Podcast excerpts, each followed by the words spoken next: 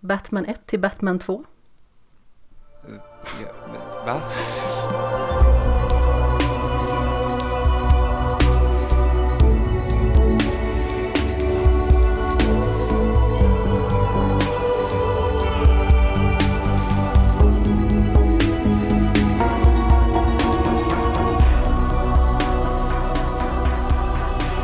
Hej och hjärtligt välkomna till den 22 episoden av Skämshögen med mig Amanda Sten och föga förvånande Jimmy Seppele. Hallå? Hej! Det är nästan så att jag så skäms lite och säger hej. Man bara, jag, Nej, jag, jag är kvar här. Jag har inte lämnat stolen sen sist. precis. Jag Vad har du gjort de senaste två veckorna i stolen? Precis, jag, har, ja, jag är numera fastvuxen i min billiga IKEA-stol. Åh nej, och hunden bara sitter vid dörren och bara varför går han inte? Nej, men precis. Eller så sitter i Åh, han, läm-. Eller så här, han lämnar aldrig, gud vad härligt. Så kan det också vara. Vi kommer vara tillsammans för alltid. Ja, ja, för evigt. Jag brukar ju skämta det när jag, när jag går från min hund. Så här, typ man är hos en kompis och hälsar på med sig hunden och sen ska man kanske gå och handla eller någonting sånt. Så att då är det så här, det är ett helt nytt ställe, eller ja, typ nytt ställe, så att hunden inte är van vid. Och så är det lite extra spänt när man ska lämna. Så säger man så här, hej då valpen, för evigt. Blir hon jätteledsen. Det är så jag behandlar Ja. min hund. Kärlek och övergivna känslor. Åh. Hur är det med dig då? Jo, det är bra, tror jag. Jag är trött. Som vanligt, nästan. Vadan detta? Jag jobbar väldigt mycket bara. Så jag, när jag tragglar mig igenom, försöker traggla mig igenom populärkultur att konsumera så går inte det så bra för jag somnar. Hela tiden. Det är liksom, det är så en film som jag har hållit på att kolla på nu i över en vecka. Det har kommit en kvart in på typ 14 dagar eller något sånt. Det är så här en minut om dagen. Så bara, Åh, har jag sett det här? Nej, det har jag inte. Så bara, Hur långt kom jag igår? 25 sekunder. Wow. Ja, det är starkt jobbat ändå. Det är så nytt rekord. ja, verkligen. Jag lyckas hålla mig vaken så länge. Hur är det själv? Jag är uppe så himla sent. Det är bra för övrigt. Ja, Förutom att jag av någon anledning inte kan förmå mig att gå och lägga mig i ordentlig tid. Det är typ så här att jag sitter uppe till mm, typ två på natten. Och det är ju lite onödigt när jag ska gå upp typ kvart över sex. Sådär. ja då, det är jobbigt. Va, Så jag är ju som ett mähä liksom sen. Va, varför är du vaken så länge då? Jag vet inte. Jag gör saker. Som vad då? Nej men alltså jag... Dels så kan det vara att jag bara fastnar i att sitta och filosofera. Dels så kan det vara att jag kollar på saker eller spelar eller sådär. Sen så har det blivit många kvällar jag har kommit hem sent. Eller att dygnet har förskjutits väldigt mycket. Alltså i, i söndags så var jag med och gästade er till exempel i Spelsnack. Mm. Då kom jag ju hem direkt från Jönköping, gick till gymmet, instruerade tre pass.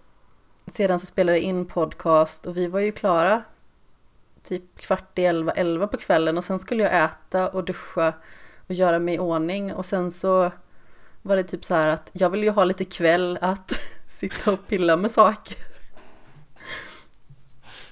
Så då blev det så. Jag vill ha lite kväll mitt i natten. När tar du kväll halv ett?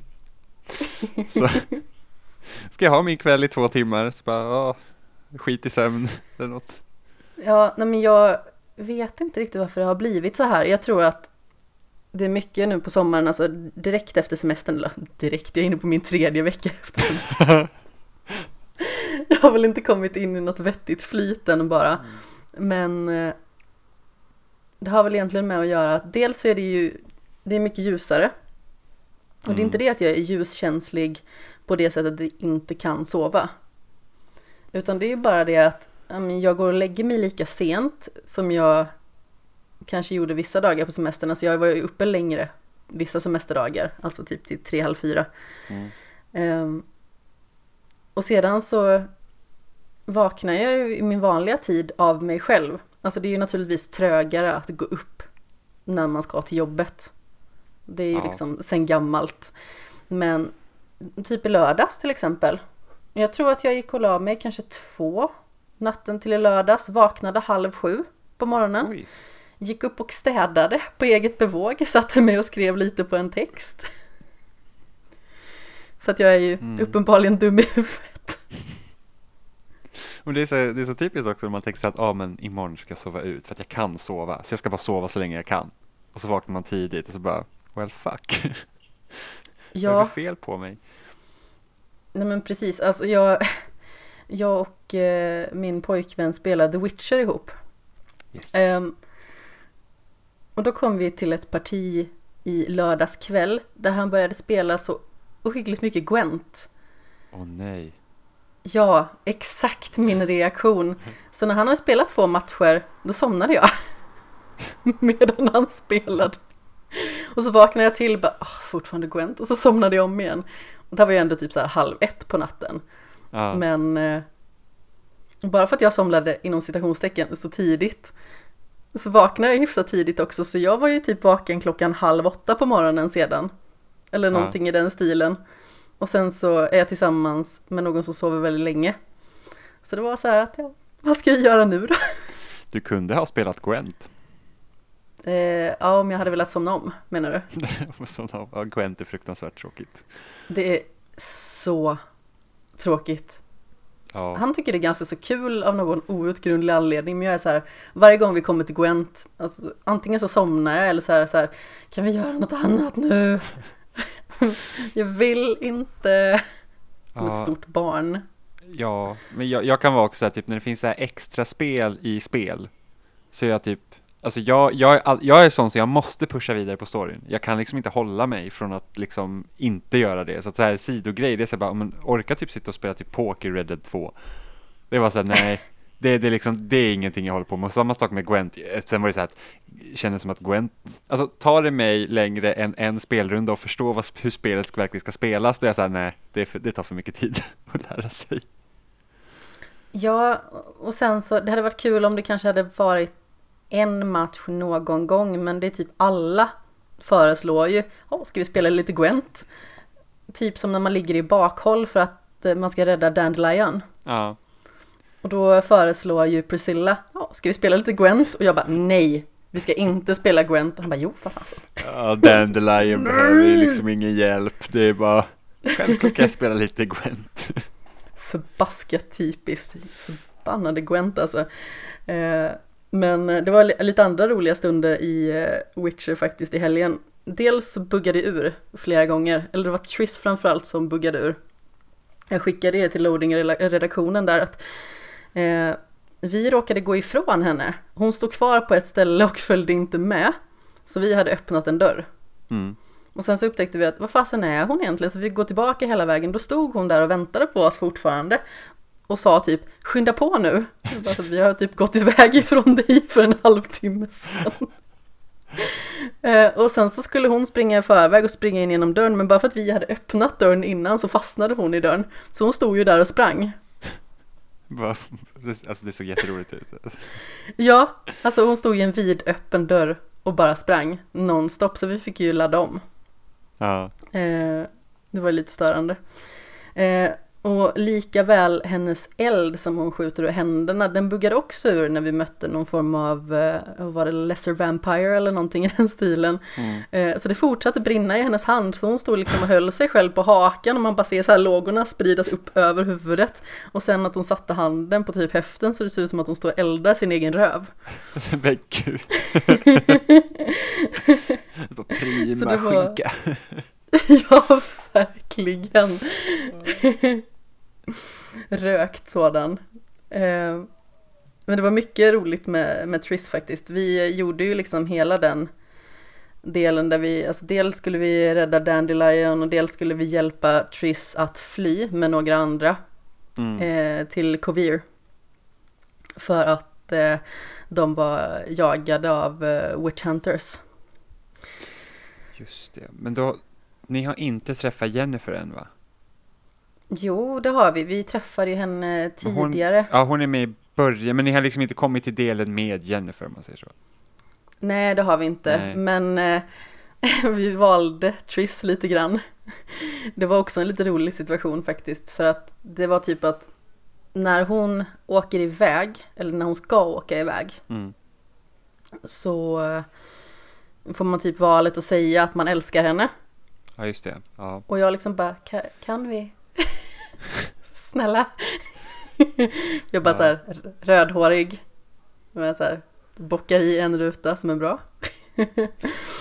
Eh, och plus att jag tycker liksom att ja, men hon är väl lite trevligare än vad Jennifer har varit hittills. Eh, och så säger då min kära medspelare Ja, hon är en bitch. Och jag bara, va? Sa du det? Det är jättemånga som inte gillar Jennifer. Eh, ja, alltså jag har ingen så jättestark åsikt om henne, men det hade tydligen han. Ja, Eh, men så vi valde Triss och hon åkte inte iväg. Och då kan man ju gå upp och spana på det här fartyget som åker iväg från en fyr. mm. Eh, där det blir lite sexy time, sådär. Eh, och då kom en väldigt rolig konversation. Eh, när ja, men de pratar liksom om att hon inte åkte iväg och så säger hon något i stil med Heard Cover is lovely this time of year, but I prefer you. Och så säger han I'm not surprised, I'm pretty lovely this time of year too. men gud, Geralt. Ja, Din gamle stöt. Ja, verkligen. Jag skrattade rakt ut, jag tyckte det var jätteroligt. Och så har han ju som den där rösten också, han låter ju alltid lite besvärad. Ja, Ja, fantastiskt. det, alltså den, det meningsutbytet, jag bara tycker det är helt briljant. Det är så roligt plus att han, han levererar det på ett väldigt underhållande sätt. Ja, Och sen så kommer ju liksom eh, själva ligget i sig och alltså de ah, de sexanimationerna är så, så roliga. Det var ju andra den här gången i alla fall. För tidigare har man ju typ fått se, ja men typ, åh lite rumpa och så rör de varandra lite grann och så ser man typ bara tjejen så här guppa upp och ner i stort sett. ja, Det har varit så, två sådana sekvenser tidigare i spelet. Vi har varit runt en del. Ehm. och sedan i den här fyren, då är det liksom så här, man ser typ en arm röra sig bara. Jaha, Och ett halvt ben. Man bara, Det men gud. tusan. Alltså är det inte bättre typ då bara att det liksom fejdar till svart? Ja men lite grann. Det var typ så här, Egentligen, för att, man ser dem hålla om varandra och sen så ser man typ armen röra sig bara i nästa sekvens. det är roligt för då ser man i alla fall eh, det klippet i skeppet. ja, Och det är ju en fyr. Så de bara så här, det blinkar härifrån. Jag tror Triss sänder oss ett meddelande. Och det är det de som ligger med varandra i fyren. Så att de blockerar ljuset. Så de står där med papper och penna och bara så här, det måste vara en kod. Helgerburn. Vad kan det betyda? men gud. Det kommer inte jag ihåg. Men romantiserade du Triss? Jag, eh, ja, det gjorde jag. Var tanken. Eftersom, Var tanken? ja, Vad ska det här betyda Jimmy?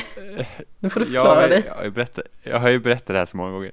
Men eh, eh, problemet när man bara spelar Witcher-spelen så är det att i tvåan så, eh, så får man ju, då får man ju vara med Triss också. För att Jennifer existerar ju liksom inte eh, i det spelet. Okej, Och, och eh, Witcher-spelen utspelar sig efter Witcher-böckerna men Geralt har ju fått minnesförlust i första spelet antar jag. Jag har inte spelat första spelet. Och sen så har man inte alla minnen liksom i andra spelet heller. Det är väl typ där man börjar få tillbaks minnena och sen i trean antar jag att man liksom kommer ihåg allt typ som har hänt. Eh, och Jennifer och Geralt har ju liksom en, en djupare historia från böckerna som inte spelaren har någon kontext med. Så att jag var ju helt inne på Triss-spåret. Och sen så träffar man Jennifer, och jag och Jennifer är inte så trevlig alltid. Men det kom ju ett ställe i spelet med Jennifer där jag kände att jag vet att de här två är historia, jag kan inte säga att jag inte älskar henne. Och sen blev det problem för mig efter det. du bara jag kan inte spela mer. Nej men alltså det blev ju, alltså jag blev ju helt, eh, alltså jag tänkte att spelet är tillräckligt moget för att kunna hantera att jag har sagt till både Triss och Jennifer att jag älskar dem. För att det kändes rätt. Alltså jag var in the moment om man säger så. Och sen så, sen så, sen, sen så fuckade spelet mig totalt på grund av det och eh, gjorde någonting som jag jag känner att det var helt out of character för Geralt. Så att det, det, det stör mig jättemycket att det hände. Jag vet inte om jag vill spoila det, för att jag, jag vet inte om ni kommer få se det eller inte. Men var inte det här typ någonting i stil med att båda två liksom bara gav dig fingret? Jo, jo, båda nobbar ju med till slut efter att ha föreslagit en trekant som min Geralt var så här superpepp på. Alltså han var så pepp. Och jag var så här, alltså jag var det här är inte så som jag har spelat Geralt. Det här borde liksom inte hända mig. Och så lurar de honom och så binder de fast honom i sängen och sen ger de sig av. Så att min Geralt slut fick ju sluta själv. Och du bara låg där så här fastbunden i sängen och bara så här, there's more. Ja men, ja men han var typ så här, han var typ, de binder fast honom och han typ så här, ah, han är typ eld och lågor för att han verkar vara väldigt inne med det här med att bli fastbunden av två vackra kvinnor liksom. Eh, det är ju härliga tider ändå kan jag tycka. Det tyckte Geralt också. Eh, och Jennifer och Triss var ju inte alls lika med på tåget. De var ju typ så här, fuck you ditt svin, du får liksom, du kan inte bestämma dig, du kan liksom inte spela på oss båda, så här, hej då. Och det var det. Jag antar att jag inte ska försöka göra några närmande på Jennifer då. Men så här, det värsta var ju, jag låg ju aldrig med Jennifer i spelet, för att jag var såhär, nej men jag gillar någon annan. Hon blir ju rosenrasande, alltså totalt rosenrasande på mig, för att hon tyckte att jag var liksom, hur kan du göra så här mot mig, typ? Jag hade ju sagt att ja, jag hur kunde du Jimmy? Ja, jag vet hur kunde jag? Jag sa ju att jag älskar henne, alltså det, alltså, när du kommer till det stället. Men bara som en vän. Ja, inte riktigt så enkelt. Här kommer det fram. Men, men nej men alltså i efterhand, skulle jag spela om Witcher 3 nu så tror jag att jag skulle välja Jennifer. Eh, men, men de har, det är komplicerat, okej. Okay? Men eh, jag, känner till jag låg inte med Jennifer för jag visste, jag har redan sagt till Triss, jag liksom, jag kör med Triss. Så, så, så, så får det vara. Så att jag, men, men jag tänkte ju att spelet skulle kunna vara vuxnare i sin ton så att det faktiskt skulle gå att säga att jag älskar Jennifer och sen så blir det problem i slutet men det liksom går att prata om det eller vad som helst. Liksom. Inte det jag fick!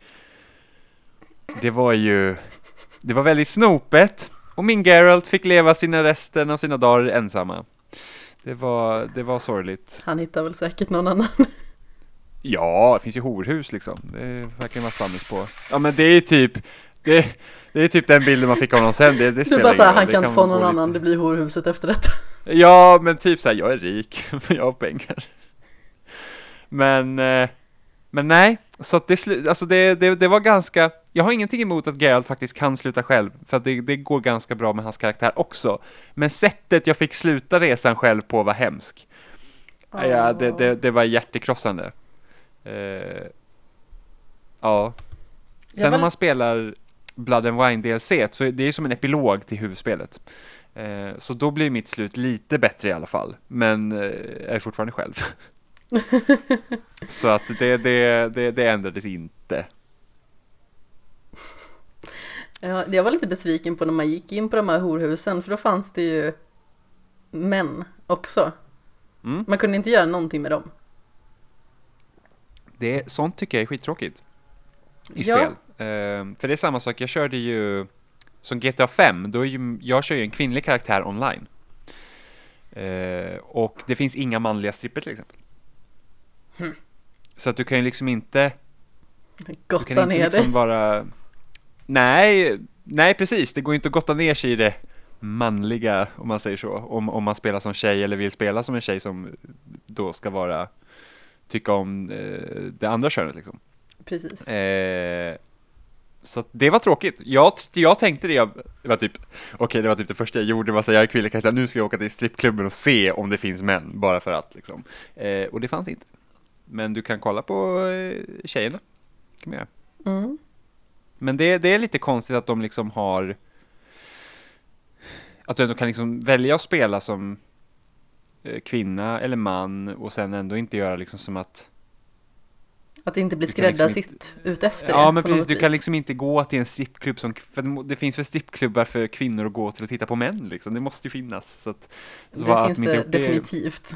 Ja, precis. Eh, så det är lite tråkigt. Nu lät det som att jag hade jättemycket erfarenhet av det här, men det har jag inte. Och det lät som att jag är helt oblivious, så bara så här, det måste väl finnas. Men liksom att, jag kan ju tänka mig att det inte är lika vanligt kanske, eller om man nu säger att, om en, hur ofta tittar du typ på en så här polisserie eller gangsterfilm eller vad som helst och så går de till en manlig strippklubb liksom. Det, det, jag antar att det är därför de inte har tänkt på det. Nej men exakt. Men, men det är inte för att det är någon ursäkt. Det borde ju vara så, speciellt liksom online när det ska liksom vara så pass att jag skulle kunna spela, om jag, om jag då vill spela liksom, skulle då vilja spela mig själv som en, en gangster, då ska vi kunna gå och titta på lättklädda män. Ja, Mm. det är väl inget mer med det. Men, nej, precis. Men eh, GTA 6 kanske? Kanske det. GTA 6. ja, jag är så besviken om det inte fanns manliga strippklubbar. Eller hur? Skriva en lång recension om varför det är fel. Ja men precis, var är min schnabel säger man. Det hoppas jag inte att man gör. Jo då, nu ska jag, jag ska se till att jag recenserar GTA 6 och ska jag, var är min schnabel? Agent 69. Eller hur? Så. Ja, jösses. Nej, Men jag var ju helt så här superexalterad när jag spelade The Sims 2 och det gick att eh, romantisera eh, liksom eh, tjejer och eh, män. Liksom sådär individuellt för sig. Så att det liksom inte Mm. bara var eh, heterosexuella relationer. För jag tycker att det är väldigt uttjatat. Alltså Men- det kanske inte riktigt var så att min hjärna var tillräckligt utvecklad när jag var typ 12.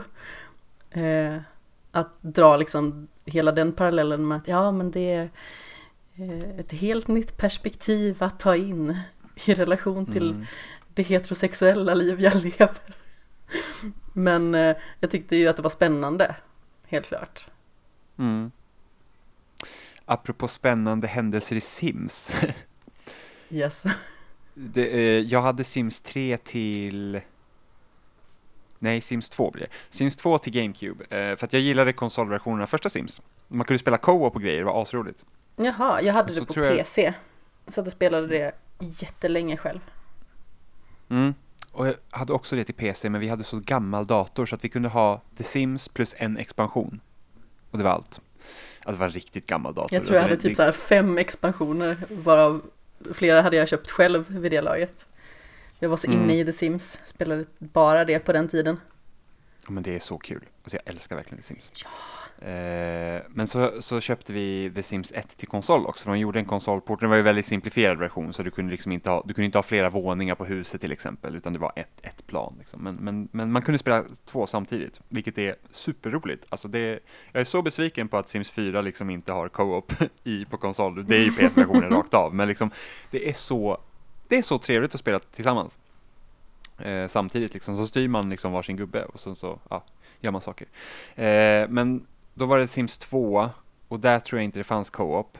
Men det har alltid varit så här i Sims, i alla fall första Sims och andra Sims, så är det alltid viktigt att ha vänner i, eh, för att kunna komma fram liksom i karriären. Ja, Och absolut. så måste man liksom, ja, och det, och det är så, och de, de tidiga spelen är så jobbigt att hålla liksom reda på. Nu sköter sig typ allt automatiskt, liksom. det, är- det är inga problem att hålla, hålla vänner. Men då var det liksom verkligen så att om du typ inte har pratat med den här kompisen typ på tre dagar, då, bara, då börjar den gnälla liksom. Man bara, vad fan. Mm, Precis, och de ringer stup i kvarten och bara Vad är Ja. det för någonstans? Lever Ja, du och fortfarande? Ja, och så bara, nu är du inte vän med mig längre för vi har inte pratat och då bara så här, jaha, nu kanske jag inte blir befordrad, ditt svin liksom. så, men i The Sims 2 till konsol så fanns det ett ganska enkelt sätt att komma över det för att man kunde nämligen casual-ligga med folk. Va? Yes, du, du liksom, det fanns så här, som det heter då, woohoo. Och sen så fanns det något som, som då finns det ju risk att, att eh, motparten blir gravid eller om man spelar kvinnlig karaktär att man blir gravid. Men så fanns det så här woohoo med typ, ja men som att, ja vi kör med kondom liksom. Eh, och då behövde du typ bara prata med en gubbe så här, hej hej, vad heter du, bla bla bla, okej det här är jag intresserad av, och sen kunde man välja det alternativet. Och sen så låg de med varandra. Och det boostar ju som fan. Så det var jättelätt Ja. att skaffa vänner på konsol. Jag låg med allt och alla. Och det roligaste också att det roliga här är att jag hade gjort du när du spelade? och jag, och jag, jag var, nu ska vi se, Sims 2, 2013, 14? ja, Eh, det låter ju logiskt Ja. i och med att jag måste ha varit typ 12 när jag började spela det. Mm. Ja men i alla fall. Och det var roligast var att jag hade gjort en Sims-version av Severus Snape som var så här supernördig, eh, höll på med liksom, ja men höll, höll på med så här, skulle bli fysiker eller vad det nu var, och, och hade så här, ja men du vet så här ett potion set liksom i sovrummet, sådana grejer, så jag var väldigt så här inne på det. Men så han hette Severus Snape också, jag vet, och låg med allt, och det var så här, du kunde, det var inte bara tjejer man låg med, man kunde ligga med killar också. Så det spelade ingen ja. roll, alla som jag skulle bli vän med, det var liksom såhär, känna, nu har vi sex. och så de bara, okej. Okay. Och så in i sängen och så kör en grej liksom. Problemet som jag fick var ju det att när man ligger med folk, då får de automatiskt nycklarna till sitt hem. Va? Så att de kom ju in liksom, alltså det, det var ju liksom såhär bara, de pling på på dörren, steg in liksom, känna, och åt min mat, satt vid min dator, kollade på TV, så att min elräkning sköt ju i höjden. Alltså det var så dyrt att bo där, för jag hade typ åtta pers som konstant kom hem till mig och bara såhär, mitt i natten bara, ja ah, men vi är självklart sitter jag med på din dator och bara klick, klick, klick, och man bara, gå till din egen jävla dator. Så att jag hade så flera tusen, liksom, simdollar i liksom elräkning. Tänk om det skulle vara så här i verkliga livet, liksom bara så ja. boosta vår relation genom att ligga Ja men precis, så bara, jag behöver verkligen befordra nu, snälla ställ upp och de bara sure thing, så bara, jag får använda din dator bara, och bara ja. så att det var ju liksom bara, du jag skaffar nya VR-glasögon, vi ligger lite va så får du låna, bara sure thing. Ingå ett kontrakt i varje Ja men verkligen, för jag hade ju ingen familj i det liksom, för att det var så att För grejen med Sims 2 på PC var ju det att barnen växte upp och sådär Och det, ja, exakt. vänta nu, nej! Det gick inte att skaffa barn i Sims 2 på konsol Så var det, det Jaha. var det som var så weird Jag vet, och det tog ju bort hela grejen med Sims, man kunde inte skaffa familj Så att jag låg runt utan utan konsekvenser. som helst konsekvenser. Men ändå fanns det två olika sätt att ligga på. Det var det vanliga sättet och sen var det där skyddade sättet som man kunde liksom spetsa till det med när man inte kände personen riktigt bra. Sen man legat ett par gånger, då kände man varandra riktigt bra, vilket var bra, för då kunde man bli befordrad på jobbet. Men det är så sjuka grejer liksom. Så där satt jag, Jimmy 14 år, riktig hingst vet du. Med min Snape-kopia. Han såg ut som Snape också, långt hår och grejer. Så det var, ja, var sjukt. Åh, jag hade velat känna dig då. på grund av mina eskap- sexkapader som Snape. Oh. ja, jag vet. Ja, så det var... Ja, men det var typ ingen det... annan som jag kände som spelade det, så jag satt ju och spelade det jämt själv. oh. Det var ju typ så här, eh, det var verkligen en verklighetsflykt från mig i, i den åldern. Eh, Alltså dels tycker jag ju att alltså, The Sims 2 är jätteroligt. Jag hade velat liksom komma in och verkligen gå full Sims igen. Eh, för att det mm. är så otroligt kul när man kommer in i det. Eh, hade det liksom kommit till Switch så hade jag ju varit helt eld och lågor, hade spelat det jämt. Eh, men jag köpte faktiskt det här Strangerville till PS4. Eh, så vi får se om jag kanske eller köpte och köpte. Jag fick ett presentkort på Playstation Store så det blev det och Devil May Cry 5. Eh, mm. Eh, nej men alltså på, på den tiden då var det så här, Amanda 12 år, eh, var rätt utanför, eh, för att jag var ganska så liksom olik väldigt många andra i min egen ålder. Och dessutom mm. så hade jag mycket vänner som var äldre just på grund av att jag spelade bowling och vi i ungdomslaget var jättespridda i åldrarna och jag var yngst och den som var äldst var kanske 18. Eh, så jag hade ju mm. vänner som var mellan 14 och 18 då, kanske, ungefär. Mm. Eh, och dessutom så blev min mamma sjuk när jag var 12-13 eh, i mm. cancer. Eh, så dels så fick jag växa upp lite för fort eh, under tiden hon tillfrisknade. Och dels så alltså, sjönk jag in i väldigt djupt i The Sims. Så alltså det låter ju väldigt deppigt när jag beskriver det på det här sättet. Men det är ändå en ganska så härlig tid att se tillbaka till när man liksom kunde gå upp klockan sex på morgonen. Eh, och bara sitta och spela Sims hela dagen när man var ledig. Det var fint. Mm. Jag älskar verkligen The Sims 2. Och på den tiden så, jag var ju inte spelintresserad på det sättet utan jag hade ju typ en Gameboy för övrigt. Mm. Så det var ju verkligen en, en jättegrej att spela The Sims 2. Ja. Ja, men det, det är spännande där liksom hur man, för att jag har också haft mycket äldre kompisar, just med att vi har tävlat mycket med hästar och så, sen min eh, syrra är ju fem år äldre. Mm. Och eh, så att jag umgås mycket med hennes kompisar också. Så att jag har alltid umgås också med äldre. Eh, en del. Och sen hamnar typ, alltså både jag och min syrra, vi hamnade lite så här i gränslandet, för sen så blev det så att hon började umgås också med yngre människor, just att jag hållit på med hästar. Så att hon umgicks med några som var kanske så här några år yngre och jag umgicks med några som var några år äldre. Så man hade så här ett spektrum av människor i olika åldrar. Mm. Jag tror att det är väldigt nyttigt i och för sig. Jag tror att man blir eh, alltså, lite mer trångsynt om man, vad ska man säga, bara håller sig till de som är så himla nära i ens egen krets, ens egen ålder. Det, jag tror det kan vara väldigt svårt att lära sig saker. Eh, alltså om livet om man säger så. Nu lät det ju väldigt sådär svävande när man är kanske typ såhär 12 år men eh, det har hängt med mig hela tiden att folk tror att jag är mycket äldre än vad jag egentligen är. Jag fick ju höra av en person när jag var 23 liksom att eh, hon, trodde att jag var 30 eller 31. Oj. Ja. Eh, det, var, det var en klient dessutom hon frågade bara "Ja, men hur går det med pendlandet och jobb här inne och så med, med barn och familj. Och jag var så här, Men gud. då var jag så här, ny, nyseparerad också dessutom. Eh, Ja. jag liksom så här, ja, jag har varken fästman eller barn. Så hon bara, Jag har "Nähä." katter. Nej. Ja, jag hade, jag hade katter. Eh, hon liksom bara oj, men det börjar väl bli dags. Jag var så här, eller? Började det? Verkligen? Tycker du det? Ja, men, måste man? Nej, alltså Hur gammal, är, hur gammal är den här människan förresten? ja, hon var väl kanske 40 eller någonting i den stilen. Mm. Ja, gränsfall har man hört i generationer när man måste liksom gifta sig och skaffa barn typ så fort man går ut gymnasiet. Ja, eh, det kan, jag tycka var lite problematiskt faktiskt, för jag inledde ju mitt första förhållande som väldigt ung. Jag var bara Mm. 17 och eh, han var fem år äldre. Eller han är fortfarande Mm. fem år äldre. Han är inte Han död. han- Eller är han? är det något du vill erkänna här nu Amanda? Nej, Han var fem år okej. äldre. Punkt. sen var den historien slut. Mm, precis. Det Nej, är ett men kort slut för vissa. Ja.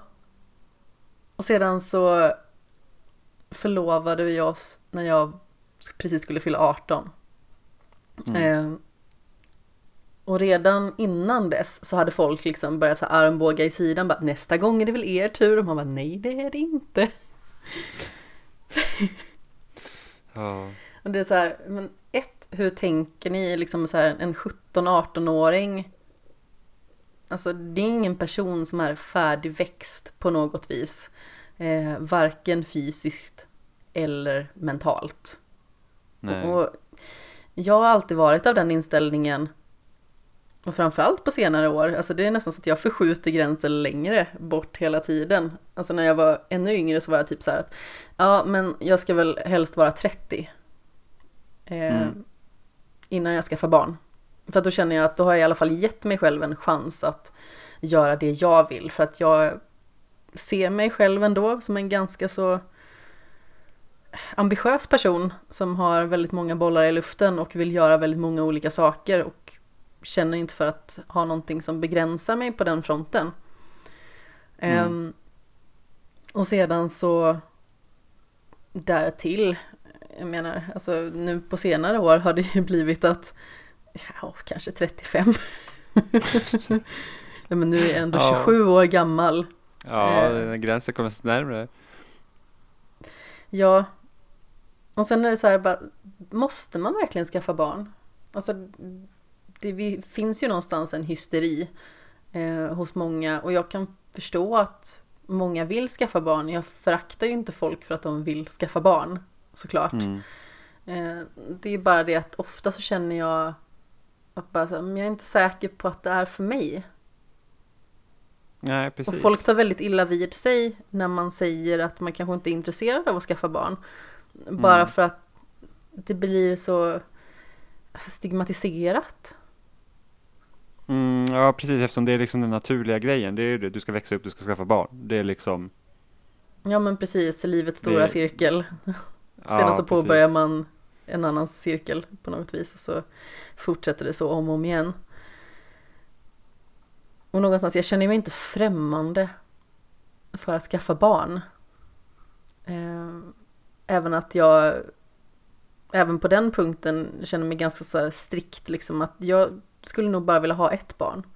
Alltså skulle Mm. man råka få tvillingar så är det inte precis som att man lämnar en åt vargarna men, men jag, alltså- trodde, jag trodde du skulle säga något helt annat där. Alltså, men, ja, får man tvillingar då är det jobbigt liksom, då är det kört. Nej men Det var ganska kul med tvillingar. ja och nej tror jag. Jag tror att det, det finns nog eh, vissa superskärmiga aspekter som är så otroligt unika. Eh, Mm. Och mycket mer intressanta än om man liksom får ett ensam barn. Men Mm. samtidigt så kan det nog vara ganska stor problematik. De är ju trots allt två. De är två olika personer men det kan vara lätt att man behandlar dem som en och samma person. Mm, ja. Det har jag hört från eh, alltså folk som är föräldrar till tvillingar då. Liksom att Mm. eh, man vill ju särskilja dem. Men ibland så har de perioder där de inte vill särskiljas. Mm. Och ibland så har de perioder där de liksom vill stå, slå sig fria. Eh, och hur hanterar man det? Eh, så det kan nog vara svårt. Mm. Mm, Gud vad långt vi spårade. Eller hur? Hur kom vi från The Witcher 3 till tvillingar? Ja, men alltså det är så när man pratar om att ligga liksom. Det, det blir bara så. Sluta med barn till slut. Ligger de mycket i Orange is the new black? Eh, det gör de ju faktiskt, men alla är kvinnor så att det blir inte så mycket barna... Eh, Okej, lite barn har det varit i serien, men, eh, men det, det, de, de ligger en del med varandra. Jaså? Berätta mer. Eh, eh, nej men alltså det, det var ju sista Förlåt säsongen släpptes ju på... Nej det är ingen fara. Det, sista säsongen släpptes ju nu på... Alltså ibland är de rätt så brutala också. Eh, alltså... det är liksom... Höll på att missa munnen här med dykan. Ja men det, det är liksom, ibland, ibland går det vilt till liksom. Eh, Hur men, eh, men alltså, ja, men vilt. jag vet inte hur jag ska beskriva det mer än att det går, det går, det går hett till. Okej, Eh, men eh, målar en bild. jag tror, jag tror det, ja men liksom, tänk dig, tänk dig att du har liksom 40 kvinnor i ett fängelse som inte liksom träffar någon annan än varandra och så vill de göra saker och sen så hittar de sätt att göra det på. Lite varstans, som i köket eller i kyrkan eller i, på, ut på gården eller i badrummen eller ja, lite Härliga tider. Ja, för vissa. Så, eh, så sista säsongen kom av Orange is the new black nu. Eh, och det här är liksom, det här är typ varit en av så Netflix flaggskeppsserier, så när de började liksom med eget material så var det liksom, det var House of Cards, som slutade förra året. Så hade de Hemlock Grove, som inte var speciellt bra. Just det, det var väl den med Bill Skarsgård va? Ja, precis, han spelar sånt jäkla creep. Eh, Herrejösses. Jag har bara hört Orange att den skulle vara jättekonstig. Alltså första säsongen var helt okej. Alltså den typ, kan ha en av de mest äckligaste så här, eh, för, liksom så här, varulvsförvandlingarna jag har sett i en serie och film eller vad som helst Oj. någonsin. Alltså den var alltså brutalt grafisk liksom. Eh, och sen var det Orange is the new black då. Så det var liksom de tre serierna som kom den vårsommaren. Och sen är det ju också typ så här, av någon anledning så här, någon ny så här, eh, vad ska man säga, studio eller, eller liksom förlag ska liksom slå sig in på marknaden för serier så ska det alltid liksom vara ganska mycket sex och sådana grejer. Så att House of Cards hade ju också den liksom att, ja men presidenten låg typ med en så här, eh, ja men, han hade liksom en, en, en eh, källa in till liksom nyhetsbyrån liksom. Så låg han med henne och liksom massa sådana saker. Och sen så Hemlock Grove var det också, ja massa tonåringar som ligger med varandra lite då och då. Det händer. Och sen så Orange is the new black har vi, ja men vi har typ lesbiska kvinnor i ett fängelse som ligger med varandra. Eh, sen så, Hashtag Sen så alla får ändras- ligga. ja men typ, och sen, sen så ändras ju det också efter tid. Men då, så Orange is the new black, då var liksom grejen, var, det är också baserat på liksom en, en sann eh, historia typ. Eh, och baserad på en bok som är Orange is new black. Så att hon, eh, huvudrollsinnehavaren i serien som heter Piper Chapman, hon finns ju på riktigt. Ja. Eh, så det är liksom hennes historia. I alla fall första säsongen var det och sen så har de ju liksom expanderat liksom. Det är ju liksom på låtsas mycket också. Eh, så nu var det här sista säsongen då och så får man liksom ett avslut på alla de här karaktärerna man då har sett genom då sju säsonger. Eh, och grejen är ju det att då Piper Chapman är ju den tråkigaste karaktären i hela serien. Alltså hennes historia är ju verkligen minst intressant. Det är så att ja, hon kommer från en bra familj, hon råkade langa droger, hon blev ditsatt, hon fick sitta i fängelse, buhu typ. Och sen har du liksom de här andra kvinnorna, liksom du har de så här afroamerikaner som typ, ja men jag hade marijuana på mig, jag fick typ ett livstidsstraff liksom. Så, så det har ju den kontrasten att du har liksom huvudrollsinnehavarens historia som att okej, okay, den är inte så farlig egentligen, hon gjorde faktiskt fel, till att du har liksom massa andra människors öden där liksom det är så orättvist behandlade, eh, liksom det är så många andra faktorer som spelar in om varför de sitter i fängelse, så det är ganska tragiska eh, människoöden. Och de här karaktärerna har ju blivit så mycket intressantare, så att under seriens gång så har ju liksom då den riktiga huvudrollsinnehavaren har ju liksom nästan satts till bakgrunden och det är de andra karaktärerna som egentligen skiner och som lyfter serien. Eh, och nu när det var sista säsongen då så måste ju liksom då hon Piper få liksom ett avslut så att hon var ju med ganska mycket vilket gör att då blir det lite tråkigare. Ah, okay, eh. Även om jag förstår att hon måste också få ett avslut och det är inte så att man inte tycker om den karaktären men det är så att hon är inte lika intressant som alla andra. Eh, men sen har ju också den här serien också haft problem med att de de kör ju gärna samhällskommentar om saker som händer liksom just nu Eh, och trycker in det i serien och ibland så kan det kännas lite malplacerat. Som, jag vet i en säsong så kom det helt plötsligt vara så här, ja ah, men nu ska vi prata om polisbrutalitet. Och det var så här bara, okej, okay, det hände lite plötsligt. Och då kan jag ju förstå så att människor som kanske upplever sånt här i sin vardag kanske tar till sig det mycket bättre än till exempel jag, som inte liksom, alltså när jag går ut på gatan så behöver inte jag vara rädd att en polis slår ner mig. Liksom. Nej, som precis. om du är liksom en svart man i USA så liksom, då, liksom blir du stannad av polisen, det är fan livsfarligt. Eh, även fast du inte har gjort någonting, bara för att du råkar vara mörkhyad. Eh, men det, det liksom kunde komma lite plötsligt. Men även i den här säsongen så liksom de tar upp viktiga grejer som att typ den här grejen med att eh, du har massa immigranter som kommer in till USA och de typ sätts i princip i koncentrationsläger liksom. Och de behandlas som fångar fast de inte är, de är inte kriminella, de söker asyl.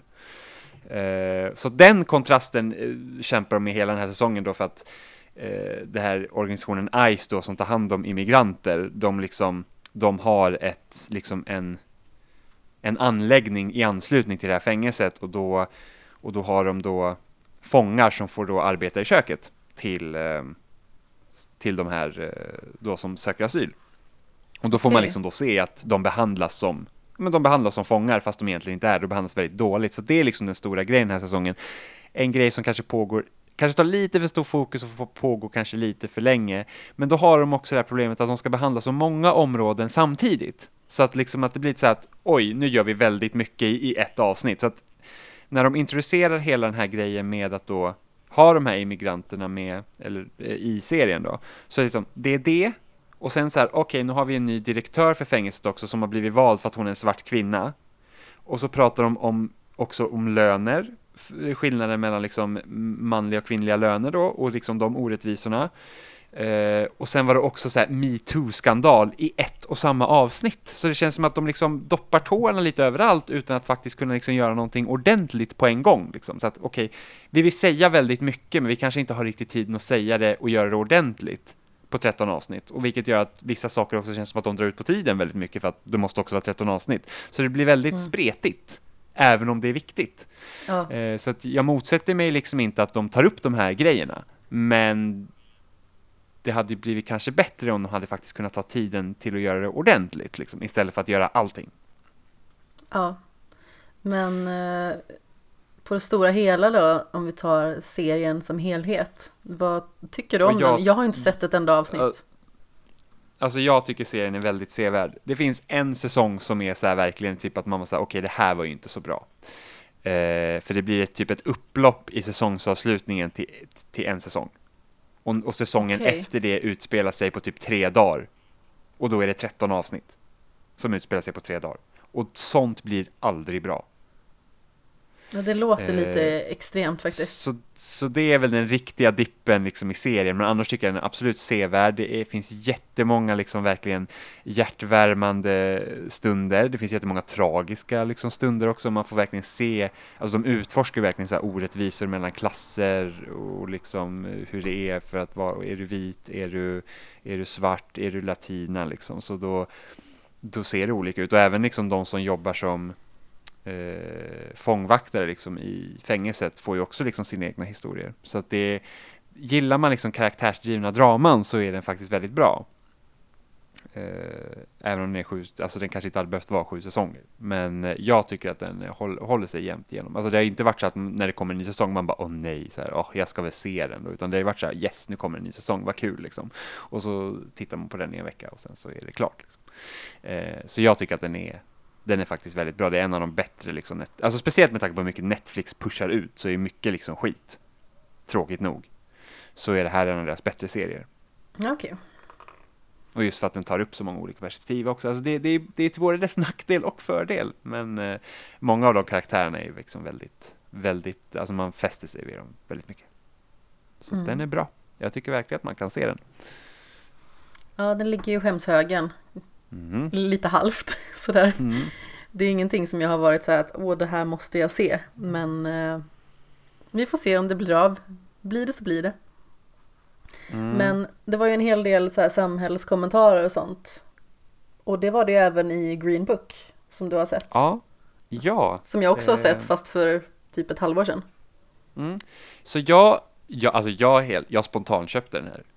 Eh, för ibland är det så att jag typ, man är inne på CDON och så tittar man lite och så bara åh, film, det är kul att dra hem filmer. Och så köper man lite film och så ligger de inplastade i hyllan ett tag. jag har typ, jag har köpt, inför Spider-Man Homecoming så köpte jag alla gamla Spider-Man-filmer som jag har sett tidigare givetvis på Blu-ray. Oh. För jag var så här, åh de har ju inte jag, så de ska jag se.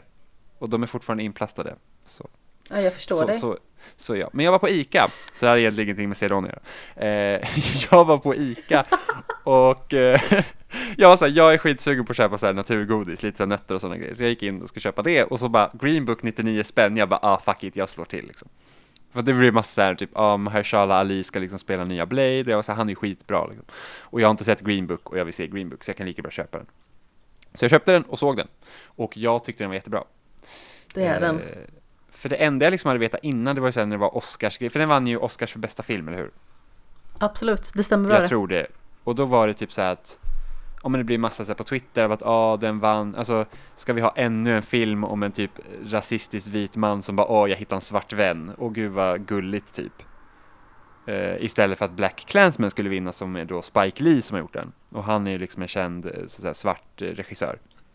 Mm. Eh, och gjort liksom, Jag tycker att det eh, är lite förenklat av folk att säga att det är exakt så det går till. För det finns ju mycket mer djup i Green Book att Ja, hämta, precis. tycker jag. Precis. Jag har inte sett Black Klansman, så att eh, jag, jag, jag. jag liksom, så jag kan liksom inte göra den jämförelsen, vilken film tycker jag är bättre eller vilken film tycker jag är viktigare eller, jag har ju inte svårt att se att Green Book, eh, om man nu, de som bestämmer vem som får bästa film, det är väl typ många vita män som sitter där. Eh, som kanske inte riktigt har liksom alla perspektiv och jada jada så här. Men, men liksom, Green Book är ingen dålig film. Och jag tycker också heller inte att det är en film som handlar om att en, en jätterasistisk vit man får en svart kompis. Nej, utan det handlar ju liksom mer om Alltså den här stora talangen som råkar vara mörkhyad men som får utstå så himla mycket skit trots att han liksom har så mycket att komma med. Han är superintelligent, han är väldigt belevad och han skapar fantastisk musik därtill. Och jag tycker att en av de absolut jobbigaste scener i, i hela filmen det är ju när han har varit och spelat i ett hus och så får han inte ens vara kvar inne med dem. Ja, för det, och det, det är ett genomgående tema i filmen och liksom att det blir nästan som en, det visar hur liksom hur, ja, men först liksom hur djupt rasistiskt USA är liksom mot svarta människor. Eh, och det jag tycker det är så himla bra, för att den andra huvudrollsinnehavaren som är Viggo Mortensen då, som spelar den här vita gubben, eh, som då skulle vara jätterasistisk. Och det, han är ju inte vidrigt rasistisk som typ om man tittar på 12 years a slave eller liksom sånt. Som bara såhär, åh fy fan, svarta människor är det värsta som finns och alla borde dö, typ. Utan det är så att han tycker inte om svarta människor. Han har ingenting egentligen emot liksom så här, typ att se dem på gatan om man säger så liksom. Eh, Även om det var ganska obehagligt där i början av filmen när de hade haft två svarta hantverkare och sen så typ skulle han slänga glasen för att de typ hade rört dem. Det är liksom så här. Men, men det är liksom den här smygras... Ja, det är vidrigt. Men det är den här smygrasistiska grejen som finns i honom, att det är så här samhället ser ut. Svarta människor är en lägre klass och de är inte lika fin och då ska inte vi säga att Viggo Mortensens karaktär kommer från någon fin familj. Det är en arbetarklassfamilj liksom som är liksom på gränsen till drägg nästan. Eh, men det här liksom, Precis, det är smygrasism. italienare egentligen, ja. så de har ju inte det så superfett Nej. i eh, New York heller. Nej men precis. Eh, men det är just det att det är liksom, filmen är liksom, man ska kunna säga, det att om man, om man tänker på samhället idag, liksom det här med typ att du har, ja men som till exempel nu när det blev värsta stora grejen, det här med att eh, en busschaufför hade eh, bett med sin son på sin egen rast. Och det blev typ värsta grejen liksom. Eh, och, att, och att man liksom såhär, ja men muslimer har svårare att få jobb på grund av att de heter Mohammed, eller liksom sådana grejer. Det, det är liksom där saker som byggs på, in, inte liksom på den gränsen till att ah, vi gasar ihjäl judar, judar liksom. Utan det är så typ att, ja ah, men här har vi en mörkhyad, vi är mer vaksamma mot, mot den här personen bara för att han är mörkhyad. Eller hon är mörkhyad. Det är liksom sådana grejer som filmen hela tiden rör sig, så att, att du har den här personen som är liksom rasistisk, men han är liksom inte han går liksom inte liksom in i det att han liksom bara hatar alla som inte ser ut som honom. Men han är Nej. ändå rasistisk. Förstår du vad jag menar? Jag känner att jag krånglar till där mycket mer än vad det borde vara. Men jag förstår precis vad du menar, men jag har å andra sidan ja. sett den här också. Um, men det som är ja, så himla men... intressant också, det är ju liksom att Viggo Mortensens karaktär, han är ju så ociviliserad, han är sluskig, han är inte så jättehögbegåvad, om man säger så. Han är eh. motsatsen till eh, Mahershala Alis Ja men precis, för att han är otrolig med ord. Han är liksom, precis som jag sa tidigare, jätteintelligent. Och det är ju det som blir den här extrema kontrasten i, i samhället också för att folk bryr sig inte om alla de här alltså, super, liksom superba dragen som eh, Marishala Alis karaktär har. För, för mm. dem så är han bara en person som är sin egen hudfärg. Och det är det som ja. är så himla vidrigt i, i filmen. Och den här Green Book som eh, filmens titel kommer ifrån det är ju från en, en handbok där man kan hitta ställen där svarta får övernatta. Ja. Och få vistas på. Alltså det är så sjukt. Ja men verkligen. Alltså det är så sjukt. Och den här, den här filmen utspelar sig på 60, var det 50 eller 60-talet? Jag tror att det är 60-talet, men jag drar det ja. lite ur röven. Ja, jag, eller kan det vara till och med så sent som 70? Ja, men det är i alla fall Möjligt. Alltså det är en... Sedan. Det är en tid som ändå ligger så pass nära så att våra föräldrar var födda. Ja, precis. Och då kommer man ändå mm. liksom tänka på det, alltså så här, man tycker inte att ens föräldrar är så himla gamla. Nej, nej. Och så måste man tänka att då var det ändå värre i USA på det sättet liksom. Ja, precis. Att de har ju, eh, precis, och då blir det så att egentligen så Marshall Alis karaktär borde ju vara liksom alltså han är ju liksom så bättre på alla sätt och vis än Viggo Mortensens karaktär. Liksom att han, är, han borde egentligen vara den högre klassen, men han ses inte som det för att han är mörk. Och sen har vi då all, den, och det är också liksom en kommentar på att vita människor har alltid utnyttjat svarta människor och det gör man även inom deras kultur. För att det är så att vi kan, vi kan lyssna på den här svarta människans musik men vi kan inte jämställa honom med oss i alla fall. Han är där för att underhålla oss. Och vi ja. kan gärna utnyttja deras kultur utan att ge honom några fördelar. Även om det är hans. Så även om han liksom var som liksom den stora liksom, eh, liksom då finalen i filmen, är det att, liksom att säga att vi vill att du ska spela på vår restaurang, men du får inte äta här. Mm. Det är liksom att nej, det, det går inte. Du kan inte sitta här vid bordet. Det är liksom, vad, vad tror du att vi är? Liksom, vildar liksom. Ja men Och- exakt. Och, och det är liksom så himla, alltså det blir just det här att, för så har det ju varit inom musikindustrin i, i USA, det är det att du har haft vita artister som spelar och sjunger svartas musik och tar dem till sitt eget, som Elvis var ju väldigt influerad av svart musik. Oh ja. Och liksom, och, och, och det är Elvis vi hyllar. Och inte de som faktiskt kanske gjorde musiken liksom, från första Mm. början.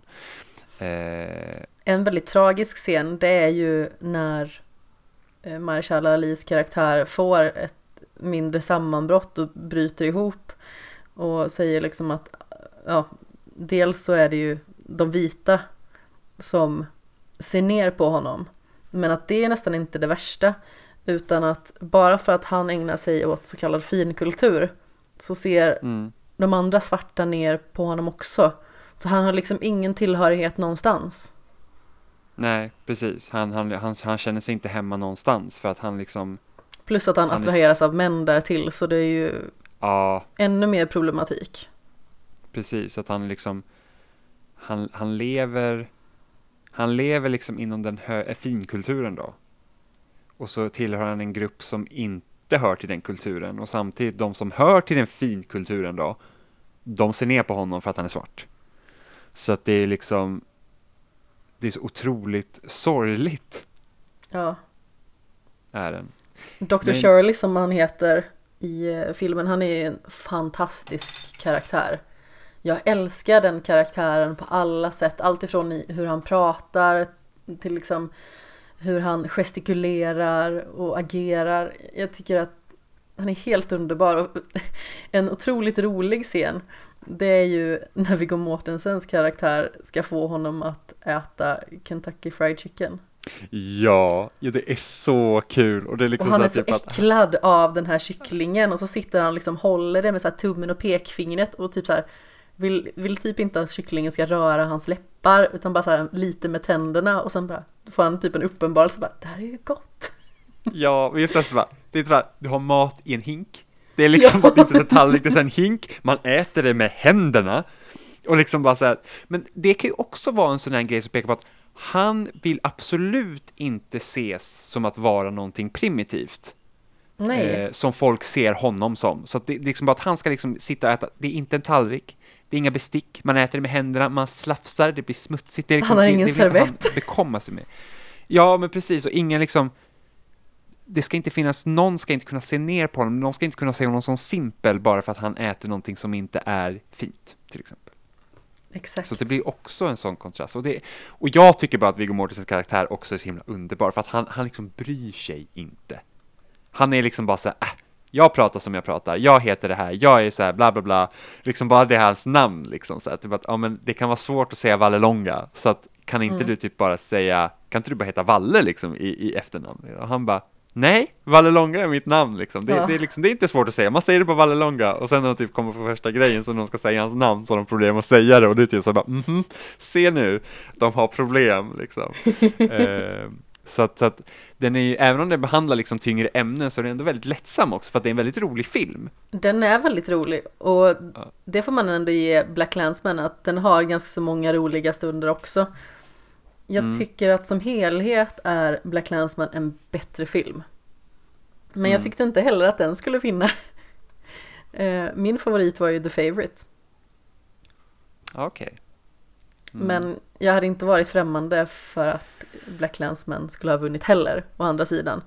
Eh, För det är också en fantastisk film. Mm. så Men när du får Spike chansen, Lee se ju- den.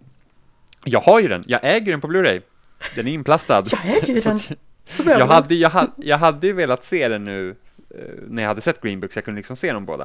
Eh, för att Spike Lee är Spike Lee är jättebra. Vi såg ju, när jag läste engelska A på universitetet så, så såg vi eh, en film av Spike Lee, den är jättekänd. Nu kommer inte jag ihåg vad den heter, jag ska kolla på. Just det, eh, Do the right thing heter den. Okej, Har du sett den? det har jag nog inte. Eh, nej men den är liksom, de, den är, jag tror det var den filmen han liksom blev liksom känd för när han gjorde den. Men det är så här, handlar om typ i slutet av den filmen så blir, alltså den eskalerar ju, det är liksom så små rasistiska grejer som händer de här hela tiden liksom att de, de det är liksom så här typ en gata som är liksom ett svart community där som bor. Eh, och sen så blir det liksom, det, under hela filmen så byggs den här spänningen upp hela tiden med de här olika grupperna och det liksom slutar med att det liksom blir typ ett så här upplopp liksom. Visst säger Mm. man upplopp på svenska? Ja. Ja, bra. Eh, upplopp och, och, och, och det blir så här att och den är så ganska snyggt filmad för att han ändrar liksom kameravinklar och sånt där så att liksom Först i början så är det liksom, ja men man känner liksom att det är ett ganska lugn i filmen, så här, liksom att det är, det är ganska så här, eh, breda shots och liksom man är ganska långt ifrån varandra och liksom färgpaletten är ganska kall.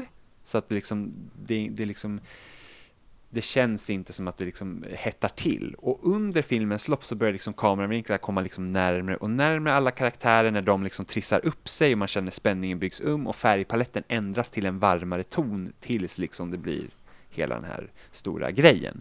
Eh, så att, så att den, är, den är väldigt eh, snyggt gjord. Och den är väldigt bra den filmen också. Så att den kan, tycker jag att man ska se. Och sen har han gjort också Malcolm X som också liksom behandlar om eh, rasism och sånt. Eh, Ja. Den har inte jag heller, den har funnits på Netflix för att jag vet att jag haft den i min lista men jag tror att den är bortplockad för tillfället. Ja, okej. Så, Men, den eh, också... Har du sett When They See Us? Eh, På nej, Netflix? det har jag, det har jag nog inte. Nej, vet, vet, var den här eh, kort eh, serien som Mm, kom? precis, den är en serie i fyra delar som bearbetar eh, Central Park 5, tror jag väl att de kallades. Mm, Eh, och den det är är ju min lista. Ja, det handlar ju om ett ungdomsgäng som blir anklagade för att ha våldtagit och eh, misshandlat en kvinna oerhört svårt. Mm, Och egentligen så är det så här att de här ungdomarna har bara varit och hängt i parken. Eh, och sen är det förmodligen några som har sett de här mörkhyade ungdomarna. Så polisen åker till ett område där det finns mycket svarta ungdomar. mm, Och eh, bara plockar dem. Flera stycken och förhör dem. Och en kille framförallt som får det längsta fängelsestraffet. Han, eh, han skulle bara följa med sin kompis som stöd och sitter och liksom somnar på polisstationen. mm, Eh, och de bara liksom rycker in honom helt plötsligt från ingenstans. Och den här serien går ju ut på väldigt mycket att de pushar ungdomarna eh, Dels utan att ha advokater närvarande, dels utan ibland att ha föräldrar närvarande till att erkänna brott som de inte har begått och att spela ut dem mot varandra. mm. Eh, och det är ju baserat på verkliga händelser. Så det är verkligen helt galet hur eh, saker har fått gå till och även fortfarande idag går till. Det här är ju Mm. några decennier sedan.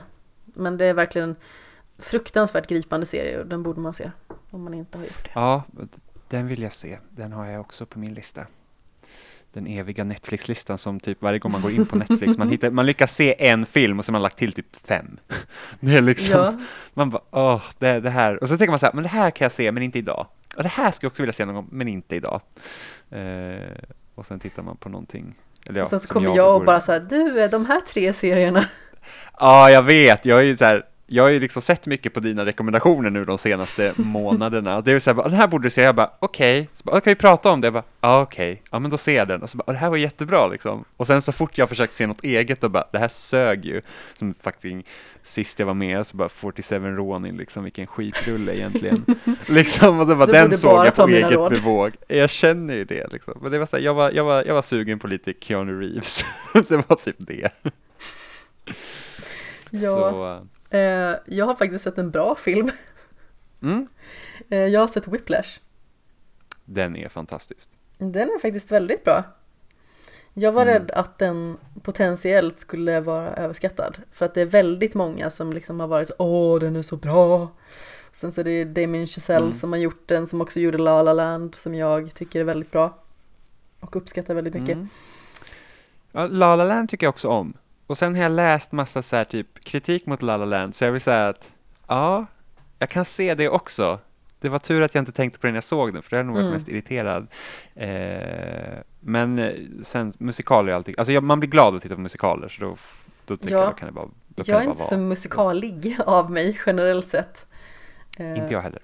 En av mina så här lite skämskudde-grejer det är ju att när The Greatest Showman kom så Mm. såg jag den och den jag såg med blev typ provocerad för han gillar inte musikaler alls. Och Nej, varför, eh, varför gick han och såg den? nej, men han visste inte att det var en musikal tydligen. Jaha, okej, då förstår jag. då Det här var jag. ju, vad var det, i slutet på 2017 tror jag eller någonting, så det är ju ett Ja. tag sedan. Eh, och jag efteråt, så här, jag tyckte filmen var ganska så bra. Det var liksom inget mästerverk, men det var ganska bra. Mm. Lyssnar på soundtracket jätteofta. Ja, Och sen så berättade jag det för min kollega. Hon bara, jag lyssnar på det jätteofta också. Så vi har liksom suttit och lyssnat på det på kontoret. Och haft lite så här allsång. men det är, Ja. det är ju kul. Ja, Eh, men det är ganska jag- kul jag- faktiskt. Jag föredrar ju musikaler där det inte är sång hela tiden, utan att det liksom är, det är liksom som dialog och sånt, och sen så kommer det sång ibland. Eh, Ja. för, åh, nu ska vi se, vad heter den? Det är en jättekänd musikal som, som de gjorde en film på för några år sedan. Eh, som är Frank, som utspelar sig under Eh, franska Le. Misérables. Precis. Och den tycker jag är helt okej. men det är Ursäkta liksom mitt jättedåliga franska uttal. Ja, det spelar, jag kan ingen franska, så att jag var så här, ja, det, det lät korrekt. eh, man kan säga Les Mis som eh, de riktigt inbitna fansen säger. Mm. Eh, men, eh, så den tycker jag ju, den tyckte jag var bra, men liksom att så här, två och en halv timme bara sång, det kan bli lite jobbigt. Ja, men verkligen. Eh, den här är ju väldigt musikdriven, alltså åter till Whiplash då. Ja, just det, precis. Det är Mm. ingen musikal. Nej, eh, men det fokuserar väldigt mycket kring jazzmusik. Mm. Vilket ju är ett ganska så, många tänker ju på jazz som hissmusik. Medan jazz egentligen är ett väldigt livfullt element som handlar otroligt mycket om att bara så här ryckas med i ögonblicket och Ja, det är i princip improvisationsmusik. ja men liksom. pris. mm. Eh, och filmen handlar om en ung man som eh, studerar musik. Han heter Andrew Neiman. Och han, han söker för att bli trummis i ett jazzband. Han är supertalangfull. Han eh, har liksom spelat trummor sedan han var liten. Och sedan stöter han på Terence Fletcher. Som då blir hans nya musiklärare. Eller jazzlärare eller vad man nu vill säga. Han är i alla fall den som dirigerar det här bandet. Och det är ett riktigt härke. Ja, Han är typ det han- vidrigaste som har gått i ett par skor. han spelas ju av eh, J.K. Simmons. Precis, som är otroligt bra. Ja, alltså han Alltså, är jättebra på äcklig. så bra. Ja, ja, men alltså han, han är verkligen, alltså han är en fantastisk skådespelare. Ja, Och han gör så en otroligt bra roll också, som det här äcklet. mm. Det är ju fruktansvärt för att det är ju ett band som består av väldigt många olika personer och det är olika typer av blåsinstrument och det är trummor och så vidare och så vidare. Och så är det i alla fall någon som spelar falskt. Det här var en grej som jag verkligen kom ihåg ordentligt från den här filmen. Någon spelar falskt och han säger att det är någon som har en sur ton. Någon spelar fel. Vem är det? Så låter han alla blåsinstrumenten spela. Och så i alla fall så är det en kille som sitter där och håller på att bli totalknäckt. Hans knän skakar, han liksom darrar på läppen och börjar gråta. Och så säger han så här liksom bara Är det du som spelar falskt? Ja. Ja men varför säger du inte någonting? Ut härifrån! Och sen när den här killen har gått så är det typ så här att Det var inte han som spelade falskt. Men det var illa nog att han inte visste om det. Ja, men precis. Och han har pressat den här killen så jäkla hårt och man tror liksom typ att han ska ge honom spö. För han är ju inte Mm. liksom främmande för att ta till handgripliga medel. Han ger ju folk lavetter till höger och vänster bara för att då han liksom inte får exakt sin vilja igenom. De kanske råkar spela pyttelite fel eller sådär. Mm. Då ger han dem Aha. världens lusing. Alltså det är typ som så här ett militärläger för musik Ja, han är Det är fruktansvärd. liksom, ja, alltså han är, och, och då kan jag tänka mig alltså, det, han är så talangfull, den här läraren. Alltså han är otroligt vass i musik. Alltså liksom nästan liksom övermänsklig, duktig. Och så han liksom, och, då, och det är liksom hans standard man ska gå efter. Mm. Det är liksom det viktigaste. Eh, Det är väldigt intressant att se en sån här film för det finns ju väldigt många olika typer av ställen där den här retoriken anammas. Alltså det Mm. spelar ingen roll om det är inom sport eller om det är musik eller vad tusan det kan vara. För att på många ställen så är det många av den här typen av karaktär som utnyttjar sin makt så till fullo. ja, Dels för att alltså de här ungdomarna ser upp till honom för att han är så talangfull själv. mm, Och dels för att jag menar, han är superior, han är äldre. Det är liksom en, en person som är gammal i gamet. Ja, Ja. alltså sånt maktmissbruk, det är verkligen riktigt hemskt att se tycker jag. ja, Så här manipulation, eh, handgripliga aktioner. och sen spelar han ju ut dem mot varandra också. Ja, för att trigga dem för att bli bättre. Liksom. Det, det är också så fult. Det är liksom så han, han skapar den här osäkerheten och för osämjan. att liksom så här, Ja, precis. För att då, då ska de spela ut mot varandra för att då i strävan. För att han gör ju inte det heller för att liksom Alltså, det här är ju det lustigaste, för han gör ju, han anser sig att göra det för deras eget bästa så att de kan bli så bra de bara kan bli. Mm. Det är ju lite, för att han bryr sig så pass mycket om musik så att han tycker typ att det, det skulle vara för jävligt om världen blir rånade av någon som liksom kan vara så pass duktig, som han anser är så pass duktig. Och klarar man inte pressen, då har man ingenting där att göra och kommer man över den, då är det bra. Precis, och sen så det finns ju en till eh, scen som är sådär riktigt magstark. Och det är ju att den här Andrew, han har ju fått låna en hyrbil för att han ska Oh. hinna ta sig till en spelning. Och han eh, kommer med nöd och näppe liksom till den tidsramen som är satt. Men det visar sig att han har glömt sina trumpinnar på hyrbilsfirman. Eh, och han ska till varje pris spela, säger han. Eh, just för att det har ju blivit sån extrem konkurrens dem emellan. De här andra trummisarna. Han, Den Mm. här eh, Terrence tar ju in en extra som inte alls är begåvad på något vis. Som liksom bara är en, vad ska man säga, en ackordslav. ja, men bara där för att liksom trigga de andra. Mm, precis. Och han panikkör till firman, hämtar sina trumpinnar och i den här paniken så krockar han med en annan bil. Han blir påkörd, hänger upp och ner, kravlar sig ur bilen, bemödar sig typ inte ens med att prata med den andra bilisten utan han haltar iväg och halvspringer tills han kommer in på scen, blodig och jäklig och sätter sig och spelar och klarar liksom inte pressen ändå. Nej, han, kan inte, han har ju så jävla ont, han kan inte spela Ja men precis, heller. fingrarna håller på att gå sönder och han är blodig, har sår i pannan.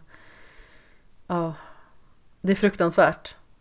Ja, och där får man också säga liksom att han musikläraren då, att han liksom, han ser ju att den här, alltså att han liksom varit i liksom en, en bilolycka och först liksom såhär bara att vad fan har det varit? Och sen typ bara, okej, han väljer att spela fast han har varit i en bilolycka och typ känner någon form av så stolthet eller såhär bara, okej, den här killen försöker göra vad som krävs till att ändå bli fly förbannad när det inte går vägen. Mm. Och, och, och då blir han ju liksom, han, han blir liksom sparkad från bandet efter det också, för då har han ju typ förstört en show liksom. Mm.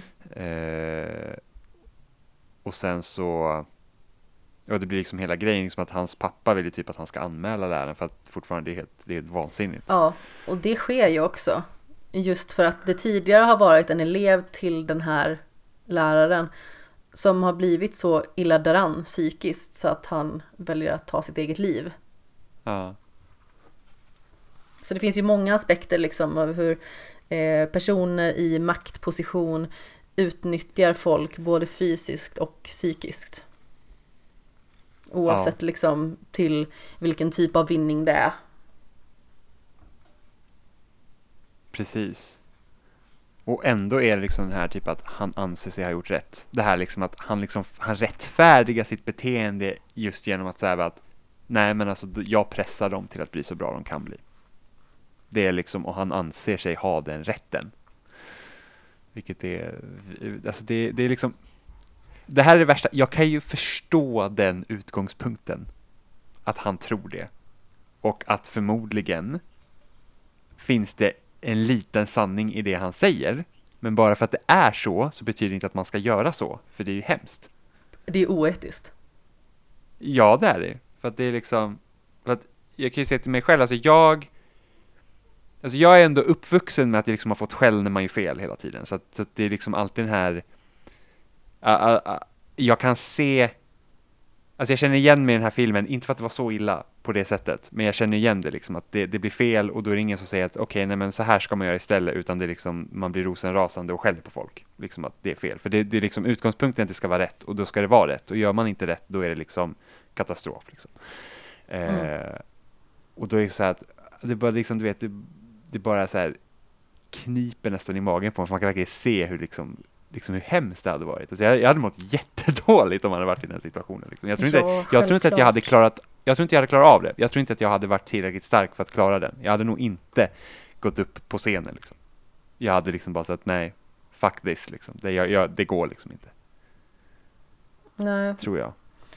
Jag har ju aldrig haft något annat än väldigt fin support generellt sett. Alltså om vi tar mina föräldrar då i alla fall. Mm. Så har de varit väldigt stödjande och skjutsat runt och framförallt så eh, har jag och min far kommit väldigt, eh, väldigt nära varandra efter att eh, vi började åka runt liksom på bowlingturné om man säger så.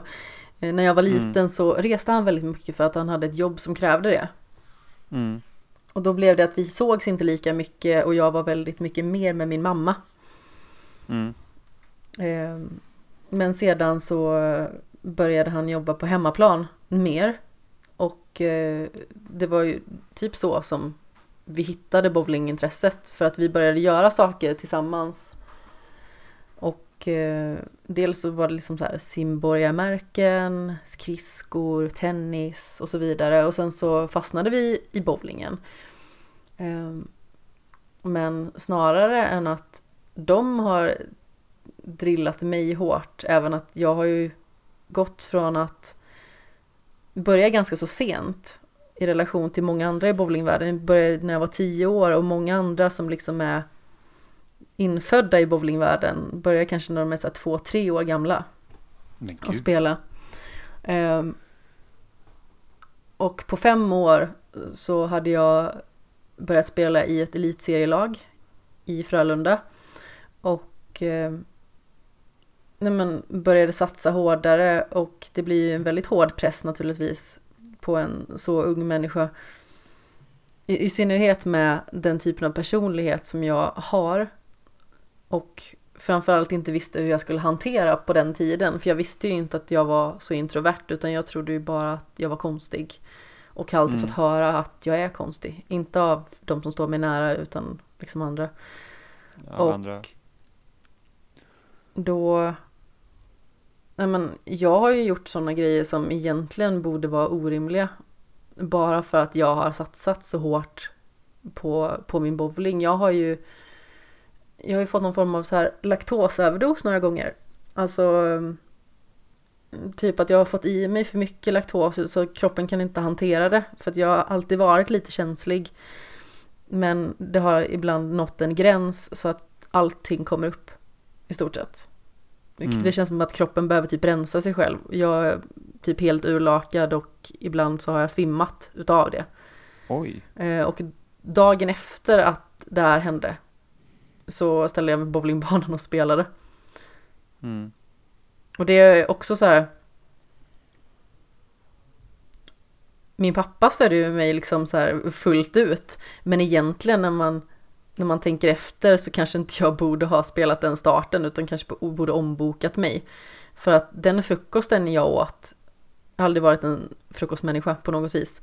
Den Nej. var ju ur systemet, alltså liksom så här, den var ju ute och nästan ur systemet bara efter en serie. Så jag var ju vrålhungrig när Mm. jag hade fem serier kvar att spela typ.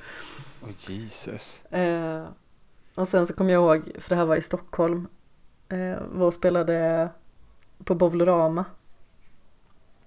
Eh, En, tävling, en Junior Masters tävling. Så åkte vi till Heron City efter och åt thaibuffé, jag tror aldrig jag ätit så mycket i hela mitt liv. Och sen så spelade jag svinbra andra starten och kvalade in och då kändes det som en så personlig vinst för att kroppen bara ballade ur. Det här har hänt två gånger Mm. innan tävlingar. Så det har varit Mm. lite sådär små problematiskt kan man väl lugnt säga när det har hänt. En gång i Västervik vill jag minnas. Nej men så jag, Ja. jag kan verkligen förstå det här med att vara en person som driver sig själv extremt hårt och har viljan någonstans. Mm. Och ibland så har jag haft svårt att, att samarbeta med folk. Alltså just när jag, när jag spelade i min första klubb. Och det var mest bara för att de hade nog svårt att hantera mig. För att jag hade svårt att hantera mitt humör. Mm. Jag kunde väldigt lätt bli arg och ledsen. Eh, Okej. och det var väldigt svårt att kontrollera. Det var liksom inte det att någon kunde säga att nu behöver du lugna ner dig. Då blir det värre. Mm. Det var super kontraproduktivt. Och en gång Ja, så jag var förstår. det, jag var jätteglad för att då, eh, ja men, det hade hänt massa bra saker. Jag orkar inte dra hela historien men så skulle vi spela något bett. Det var typ bara en 20 som insats och jag sa liksom, jag ska, jag ska gå bort och träna med den här personen istället för jag har lovat det. Och Mm. då, det var min, min dåvarande pojkvän, vi hade precis blivit ihop liksom. Och som sagt, jag var ju, då var jag ju bara 17 år. Mm. Eh, och jag sa att jag betalar för mig, givetvis. Men jag, eh, jag har lovat att spela med honom och han har inte fått träna för nu. Och då, var, då blev de skitförbannade, eller i alla fall en person blev skitförbannad på mig. Eh, och sa typ så här att eh, hon inte visste vad hon hade mig för att jag var ju glad. Istället för att typ säga att det var kul att, att du är på gott humör, att du mår bra. Ja, det är så skumt. Ja. Folk alltså. Ja men verkligen. Sen så när jag var 19 så bytte jag faktiskt lag till ett lag i Mm. Vänersborg. Men, eh, men som sagt, jag har haft, jag har haft hyfsade, hyfsade framgångar men alltså någonstans så kan jag kolla tillbaka och bara men ja jag var faktiskt väldigt duktig för men jag hade kunnat bli så himla mycket bättre. Mm. Och det är ju både, det är både så här positivt och negativt för att ett, ett tag så ville jag ju bli bäst i världen. Mm. Eh, och jag blev Jag blev bäst i Sverige i alla fall vid, vid ett tillfälle när jag var eh, 17 år. Då vann jag SM för U21. Både i eh, individuellt och eh, i fyrmanna. Mm. Plus att det liksom varit massa andra tävlingsmeriter också på den fronten. Typ varit med i juniorlandslagstrupp och, och sådant. Samt eh, var jag den första tjejen som vann två stycken junior masters tävlingar i rad. Så jag vann första tävlingen i, i Västervik för säsongen och sen så vann jag i Gävle också.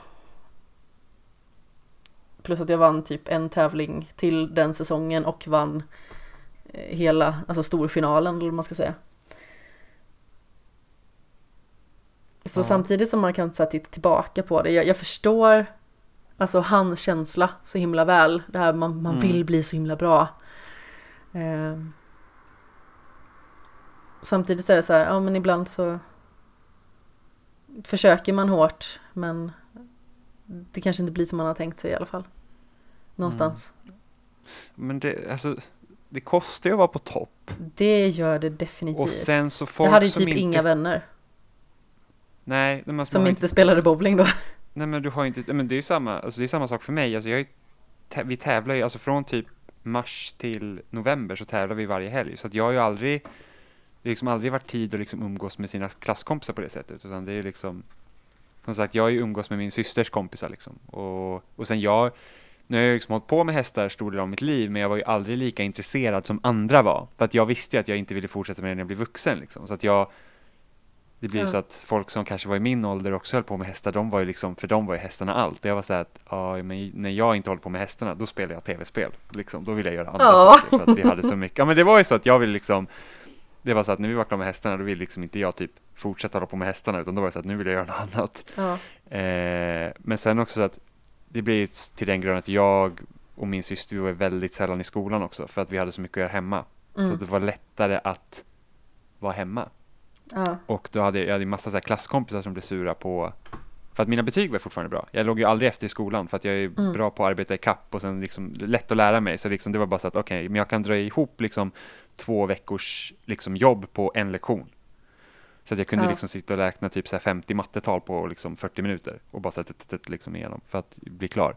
Eh, så att ibland blir det så problem i skolan så att jag vet att typ om jag hade några kompisar, de liksom slutade prata med mig för att ja, men jag var ju typ sällan där och sen var det typ så att ja, men då vill, de var typ avundsjuka på att jag hade liksom bra betyg fortfarande. De tyckte liksom inte att jag borde få godkänt för att jag Åh, var så jag sällan i känner skolan. igen det här. Och jag var känner bara så igen det här så så här- himla väl. Ja, och man var så här, ja ja, liksom det, det ändrar ju liksom ingenting för mig egentligen. Det är liksom, jag måste ju fortsätta hålla på med, jag måste fortsätta göra skolan och sen har jag hästen när jag kommer hem. Liksom. Mm. Eh, Men det här med det här betygen liksom- känner jag igen jättemycket också, för jag blir ju jämt kallad för pluggis och sådär. Och jag bara säger jag, ja, jag pluggar typ aldrig. Jag bara Nej. gör det jag ska och sen så får jag bra betyg. Ja, samma Eh. här. Det var så att jag, jag avskyr, alltså, det är inte kul att sitta och nöta glosor och sådana grejer, så jag är så himla tacksam att jag har lätt att lära mig. För det var så här, typ, okej, 12 är också spanska glosor, fem minuters rast, dra igenom, okej nu kan jag. Eh, och Ja. sen in och liksom skriva provet. Ja, men precis. Jag... eh, I allmänhet, under hela min skolgång hade jag väldigt lätt för mig. Eh, Och det Ja. kan väl låta lite så här tillbaka lutat och löst. Men jag vet inte. Av någon anledning så, så bara fungerar det generellt sett. Jag hade väl så här ja, två tredjedelar MVG och sen sista tredjedelen VG eller någonting. Ja, ja, så bra hade inte jag mina betyg. Jag hade ju kanske 4-5 MVG bara och sen typ resten VG och typ 3G eller vad det nu var. Uh, men uh, det spelar ingen roll för mig heller liksom. Det var inte så att jag ville ha alla MVG heller, utan det var bara så att okej, men det här måste jag göra typ. Men jag, jag ville ju typ ha MVG allt för att jag var så kritisk mot mig själv. Jag har alltid varit extremt kritisk mot mig själv. Vad jag Ja. än har gjort. Alltså jag kan fortfarande lida av hur kritiskt jag ser på saker som jag gör eller delar av mig som jag är. Och sådär. Eh, ibland så kan det vara bra att vara väldigt kritisk. I många fall kan det vara jättedåligt. För att man ser Mm. ner på sig själv väldigt mycket. I synnerhet om det inte blir som man har tänkt sig. Mm, ja, men så, så är det ju. Alltså, jag hade nog inte tid att tänka på att det var liksom, klara skolan var liksom viktigare och sen är liksom så här, VG nöjde jag mig med, det var liksom inga, inga problem. Sen var det typ några ämnen man ville ju ha MVG, så jag ville ha MVG i svenska, vilket jag inte lyckades med, vilket var synd, tyckte jag då. Vet du vad? Eh. Jag fick inte heller MVG i svenska. Vilket är ganska så konstigt med tanke på Att vi Att båda jag- skriver. vi båda skriver ja, och vi har ganska så brett ordförråd. Och jag tycker att både du och jag är ganska så bra på att formulera oss i text. Eh, Så det är lite lustigt Ja. egentligen. ja, jag fick VG plus plus plus plus plus plus enligt läraren då, men det hjälper ju inte så mycket. står fortfarande Nej. VG-betyg. Alltså de där plussen och Eh. minusarna som de drar sig, det är ju bara humbug. Ja, Det betyder ingenting. Nej, men sen fick jag, jag fick MVG i bild och historia av alla eh, grejer. Eh, faktiskt. Jag ångrar mig att jag inte fortsatte rita, för jag är i princip på samma nivå som jag var i nian. Eh, ritmässigt då. Och sen tror jag Börja igen? att man, så, Jo, jag vet. Jag har tänkt många gånger så här, köpa böcker och bara sitta, ah, jag ska bara sitta och träna på att rita ansikten liksom och bara hålla på. Men det är så att, ah, det, det har jag inte gjort. Någon gång ska jag göra det bli, bli bättre på att rita. För jag tycker, alltså jag älskar verkligen att rita när jag var yngre. Och typ så här, det var typ Jag därför jag också. tror jag Ja, men alltså jag drog så mycket typ till manga och sådana där grejer, liksom serier, för att liksom bara sitta och studera bilderna liksom. Eh, men sen har det inte blivit någonting av det. Jag, jag tror att jag är för otålig också, att inte liksom vilja lära mig grunderna ordentligt, för att jag vill liksom vara bra på det på en gång.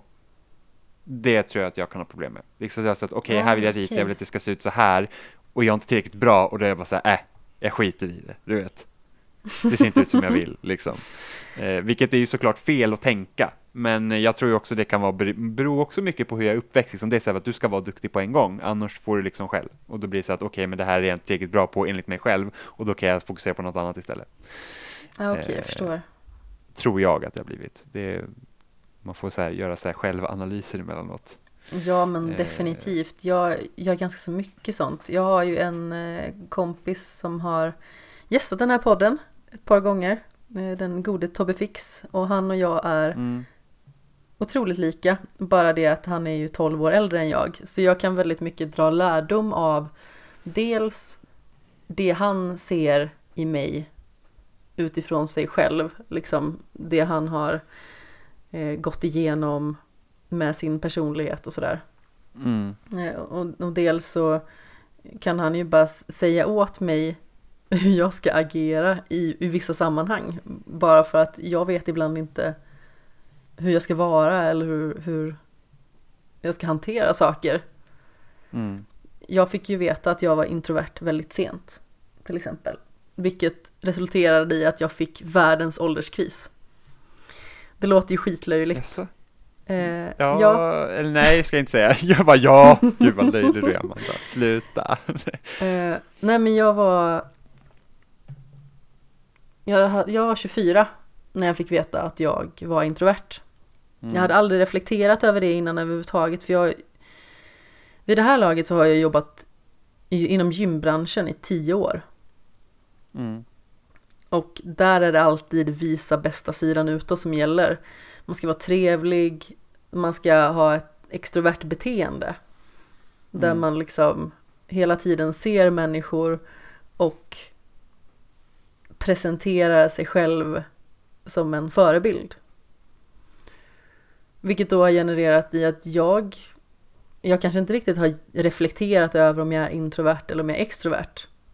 Men Mm. det var typ som att jag kom ut ur en extrovert garderob. Som introvert.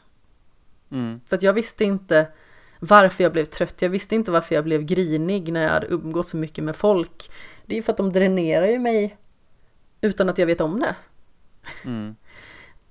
Och det är massa sådana grejer som jag bara kunnat härleda tillbaka i mitt liv. Och ålderskrisen kom nog liksom, alltså dels här 25 är ett, ett tal som många bara åh efter 25 så går det ut för Ja det är faktiskt så att fysiologiskt så börjar kroppen förändras ganska så mycket. Men tänk då att inte veta vem man är förrän det året man Mm. fyller 25. Ja, Och jag liksom bara så här. Jag har aldrig vetat vem jag är förrän nu. Jag har missat det här så länge. ja, Jag hade, vär- ja, men jag hade världens kris. Jag mådde så dåligt. Och folk retade ju mig för att jag hade 25-årskris. Och De Ja. förstod nog inte riktigt hur dåligt jag faktiskt mådde. Eh, ibland. För att jag så här, försökte förlika mig med att oj, jag är sån här.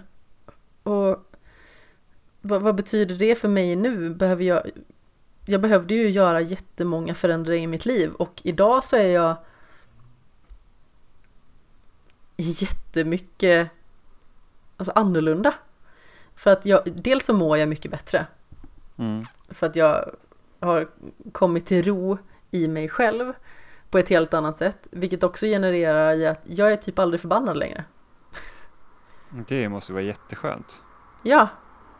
Alltså mina, mitt humör och mina humörsvängningar som jag hade förr, som jag inte visste var de kom ifrån. Alltså det var ju väldigt mycket som hade med att göra att jag inte visste vem jag var. Mm. Och att jag faktiskt eh, dels började studera väldigt mycket om introverta och vad liksom det är som är karaktäristiskt. Samt ja men, sådana här grejer som jag bara känner igen mig i när jag läser om introverta. Att ja, men, många kan tycka att introverta är si och så. Eller Mm. att introverta är si och så. Och det kan, ut, eller liksom, det kan utåt sett ses på ett visst sätt.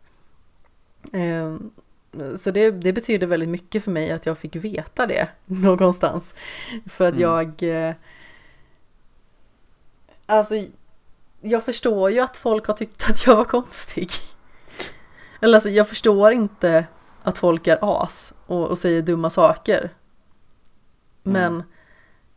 nu kan jag på något sätt acceptera att det är inte mig det är fel på, det är dem. För det är de som är rövhål. Det har aldrig varit fel på mig, nödvändigtvis. Mm. Jag har alltid trott att det var fel på mig. Är världens uppenbarelse. Sen så kanske folk tycker att det är fel på mig än- ändå och ibland så kan jag tycka själv att jag är lite dum i huvudet när jag gör vissa grejer men på något sätt så känns det väldigt skönt att ja, men, försonas med sig själv. Mm. Det låter ju väldigt överdådigt men typ så var det. Jo, men så, så är det ju. Det måste ju ändå vara väldigt liksom, ja, men bara så att man så bara, åh, alltså, men bara det att du inte behöver vara arg hela tiden måste ju vara otroligt skönt.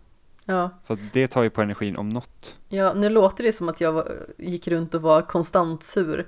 Men, men grejen var ju den att jag kunde bli väldigt upprörd väldigt lätt av saker som var kanske lite mer triviala. Eh, och hade väldigt kort stubin Mm. när det gällde sa- vissa saker. Framförallt kunde jag bli väldigt ledsen. Mm. Och i, i synnerhet också när jag var själv. Eh, nu kan det ju saker komma, komma över mig lite så här i efterhand. Och jag kan reagera på saker långt i efterhand och bli ledsen över det. Men det kommer ju inte direkt så ofta. Så. Nej. Men nu är det så här att okej, eh, jag har en lång stubin som tickar på och när jag väl blir förbannad då blir jag riktigt skogsförbannad. Men eh, det händer jättesällan. Jag kommer inte ihåg när jag var riktigt arg sist. Mm. Det är ändå, mm, det är skönt. Mm. Men vi har ju eh, vi har pratat väldigt mycket om så här, våra ungdomsdagar idag. Ja, Nu låter Ja. det som att vi är så här på ålderns höst och bara så här. ja, jag är ju jättegammal, det har vi konstaterat. Jag vi är har ju, konstaterat att du Jag är är- ju eh, jag- jag är ena benet i kistan redan. Det är bara så. Ja men precis. Snart är du gråhårig och grejer här. Jag har faktiskt en grå slinga bak i nacken. Har du det? Som är, ja, som är ganska nytt för mig, eller min vetskap är den ganska ny för att det, det Men man måste kollar sig inte så ofta i nacken. Ah, nej jag vet, det är det. Alltså jag kunde inte ha fått den på ett häftigt ställe som i luggen eller någonting sånt så jag kan se den och typ flasha den och bara såhär, mm, silver fox Silverräv. liksom. Nej, för att jag har en liksom bak i, och det är ingen som har sagt det till mig tidigare. Liksom, jag måste ha haft, alltså jag, tror ju att den kommer efter cellgiftsbehandlingen. Det är jag helt säker på, för att då kan man ju få sådana grejer. Och det betyder att då borde jag ha haft den rimligtvis typ ish i tio år då. Ja. Och, och det är det ingen som har sagt. Så det var, vad fan var Jag hittade mitt första gråa hårstrå på kroppen eh, tidigare år och var så här att jag har ett grått hårstrå här, nu, nu är det slut. Nej men, och, eh, och så sa jag det lite så här skoj till liksom kompisar så här, ja, ja, haha, nu börjar jag bli gammal. Och sen så hjälpte jag eh, en kompis att flytta. Och jag är ju rätt så lång, så det är inte som att folk ser mig i nacken heller. Eh, så då böjde vi någonstans, så bara, men fan du har ju fan en grå slinga i bak. Jag bara, nej nej, det, det, det är det inte, det måste vara damm. För vi var liksom nere i ett förråd och jag, jag bara, jag är så lång, jag slår ju liksom i de här jävla bjälkarna så att det är bara damm som är där. Eh, och sen så visade det sig att det var varit typ på bio eller någonting sånt och så, så åkte vi rulltrappan och så stod jag liksom längre ner. Så bara, nej det är fan en vit slinga där bak. Så tog jag bild liksom med kameran så bara, jo fan det är en vit tofs. Så att jag har ju liksom en, liksom, det, alltså det är en ordentlig bit liksom vitt hår som jag har bak i nacken. Så att jag är ju liksom på väg att bli helt Det är nu det börjar. Jag vet ju Ja. inte om jag börjar bli gråhårig. För att jag har ju rött hår. Och det är inte du, du, naturligt. färgar ditt, du färgar ditt hår, ja. Ja, det kan man ju lugnt säga. Mm. Jag har inte haft min naturliga hårfärg på 15 år. Vad, är, vad har du egentligen för hårfärg då? Typ? Dra en gissning. Alltså jag, har ju, jag har ju sett en bild på när du var yngre, men jag är inte säker på om det är din riktiga hårfärg heller. Jag, alltså skulle, rent spontant så ska jag gissa på att du är brunhårig. För jag har ganska så mörka ögon. Men, Ja, men är eh, väl- jag är väldigt blond. Du är väldigt blond, trots Ja. mörka ögon. Det är Ja. faktiskt ganska otippat. Min pappa är svarthårig egentligen. Eller han blir gråhårig väldigt tidigt. Han blev Ja. gråhårig typ när han var som jag. I ålder. Ja, men det, Eh. så är det ju för de mörkhåriga. Eller Mm. väldigt mörkhåriga. Precis. Eh, och han har väldigt mörka ögon. Sedan så har vi mamma som är blond då. Eh, Aha. så eh, Ja. Ja. Så man kan, man kan tro det. Därför har jag ofta haft svart hår. Så därför att Mm. det, det funkar ganska så väl. Sen kan det bli lite väl mörkt. Men eh, jag har fastnat i, i rött hår. Och haft det, tror jag, mest egentligen. Mm. Men det är väl så, jag börjar väl experimentera med någon form av identitetsgrej. Alltså jag har ju haft förebilder som typ så Brian Molko och David Bowie. Mm. Så det har ju varit liksom sådär experimentella perioder, klippt av mig typ allt hår så jag hade typ samma längd på håret som du kanske? Jaså? Ja. ja jag, har, jag, har haft, eh, jag har haft blonda slingor i mitt hår. Så s- mer hardcore än det har jag inte gått i hårfärgning. eh, faktiskt. Tror jag, ville, jag tror jag ville färga mitt hår blått. Jag har Typ haft det, blåsvart. jag har haft det mörkgrönt. Mörkgrönt? Ja. Alpine green. Tjej, Ja, men en viss form av grön kan passa väldigt bra tror jag faktiskt. Den var lite, som sagt, den var lite mörkare. Eh, Mm. Och väldigt kall. Så det var ju liksom inte det att det var så här gräsgrönt. Nej. Ser ut som en jävla... Det är som att doppat huvudet i avloppet liksom. Ja, han, han åker i skallen eller någonting. jag vet inte. åker kanske inte jättegrönt. typ Hed. Eh, Jag kan i sig tycka att grå hår, alltså grått hår kan jag tycka är väldigt snyggt. Jag Men har- hade, jag, hade hela mitt hår varit som den där vita slingan, jag tror inte jag hade haft något emot det alltså. Det hade ju varit lite säreget. Ja, men alltså jag har en deltagare som, i och för sig, jag har inte sett honom på ett tag, men han kan väl vara i 40-årsåldern. Han är Mm. helt gråhårig och man bara, det ser så jävla bra ut. Ja, men alltså det är, det är inte så, det är inte fel. Fast nu för sig, det kan hända att min vita slinga är kanske väldigt vit. Jag hade liksom varit, alltså det är typ nästan albino kanske. det är liksom väldigt, det är inte grått, det är ju vitt. Eh, Ja. Men samtidigt som min pappa började först bli gråhårig när han liksom var över 60. Jaha, Eh, Så att, eh, och sen jag har rätt så bra hårfäste också så att jag, jag har nog ganska, jag har nog ganska bra gener när det kommer till håret. ja. Jag har ganska så bra gener på det också. Som sagt, min pappa han är ju, bra att jag bara säger hur gammal är han nu? han är 64 eh, i december. Och han blev gråhårig när han var typ i min ålder. Men Mm. han har tjockt hår som satan. Mm. Det är helt galet. Alltså det är typ så här när han hade lite längre hår eh, på toppen så att han liksom hade nästan lite backslick-aktigt. Kommer ihåg det var så himla roligt för att när han typ gick på gymmet och svettades eller om det var typ att han har varit ute i regnet då fick han alltid en så här lock i pannan. Ja, En så här tjockt och lockigt hår egentligen. ja. Charmigt. Ja. Ja, och det är spännande det där med hår. Men samtidigt är det så här typ att man tänker typ så här att om man, när man är yngre så är man så här, det där skulle jag aldrig vilja ha liksom. Det, det skulle vara hemskt. Men till exempel skulle man tappa allt hår så skulle det vara hemskt. Och jag känner bara nu så här, ska jag tappa allt hår nu? Jag ska bara säga, ja ja, det händer. Man får ju bara, Det hände en grej. ja men man får säga, man bara okej då får man gå, alltså jag skulle inte vilja ha typ så här Caesarskransar liksom, då får man ju raka håret om man ska bli av med håret. Men alltså chansen att jag skulle tappa. Ja, ja men det, man vill inte vara så. Men alltså, sen risken för att jag ska bli så flint, liksom, jag tror inte det existerar. Alltså, jag känner att rent spontant, jag skulle hellre bli helt gråhårig än att tappa allt hår. För jag, Ja, jag gillar mitt hår, eller jag gillar att göra saker med håret. Ja. Eh, Jo, men jo, jag ska hellre också bli, alltså som sagt, jag är redan på väg att bli gråhårig då. Eh, Får se hur den sprider sig. Ja, farbrorn. Eh, ja, precis. Jag, jag säger ju det, jag är gammal. Eh, Alltså, jag så retar ju dig jättemycket för det, men du är ju bara ett år äldre än vad jag är.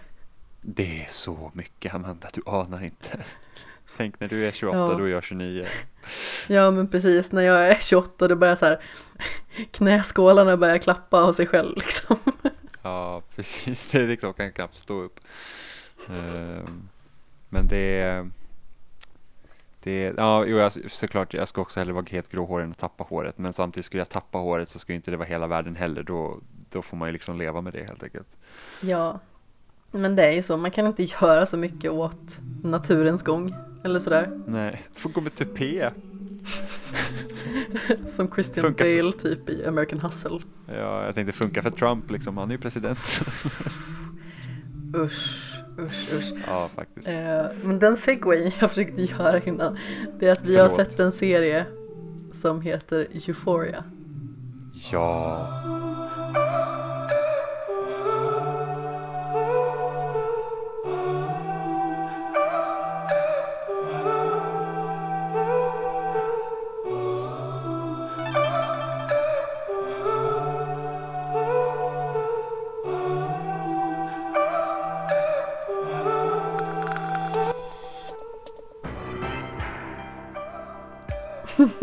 Den är så bra. Jag, ty- jag tycker verkligen att den är kanon. Det är den verkligen.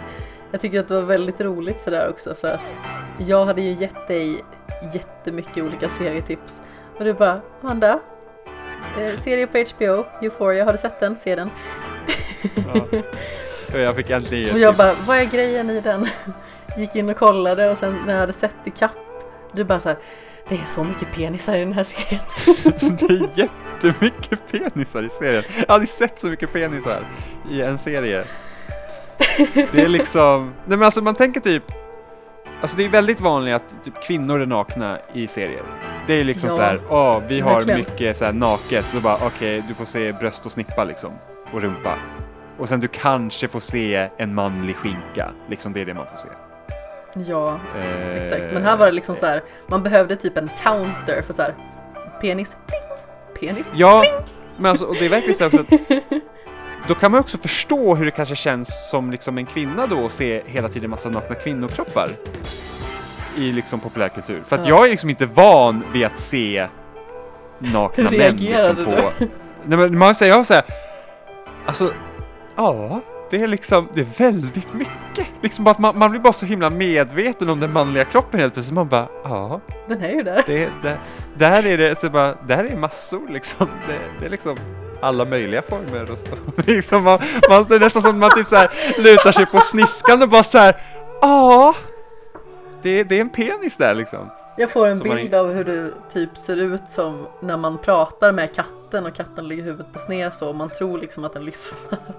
Ja men det är lite som man måste, ja, alltså det är liksom man måste, det, det, det är en annan känsla när man liksom får se så mycket liksom som, som man inte tänker på eftersom det är så sällan man får göra det Ja, som man då. då.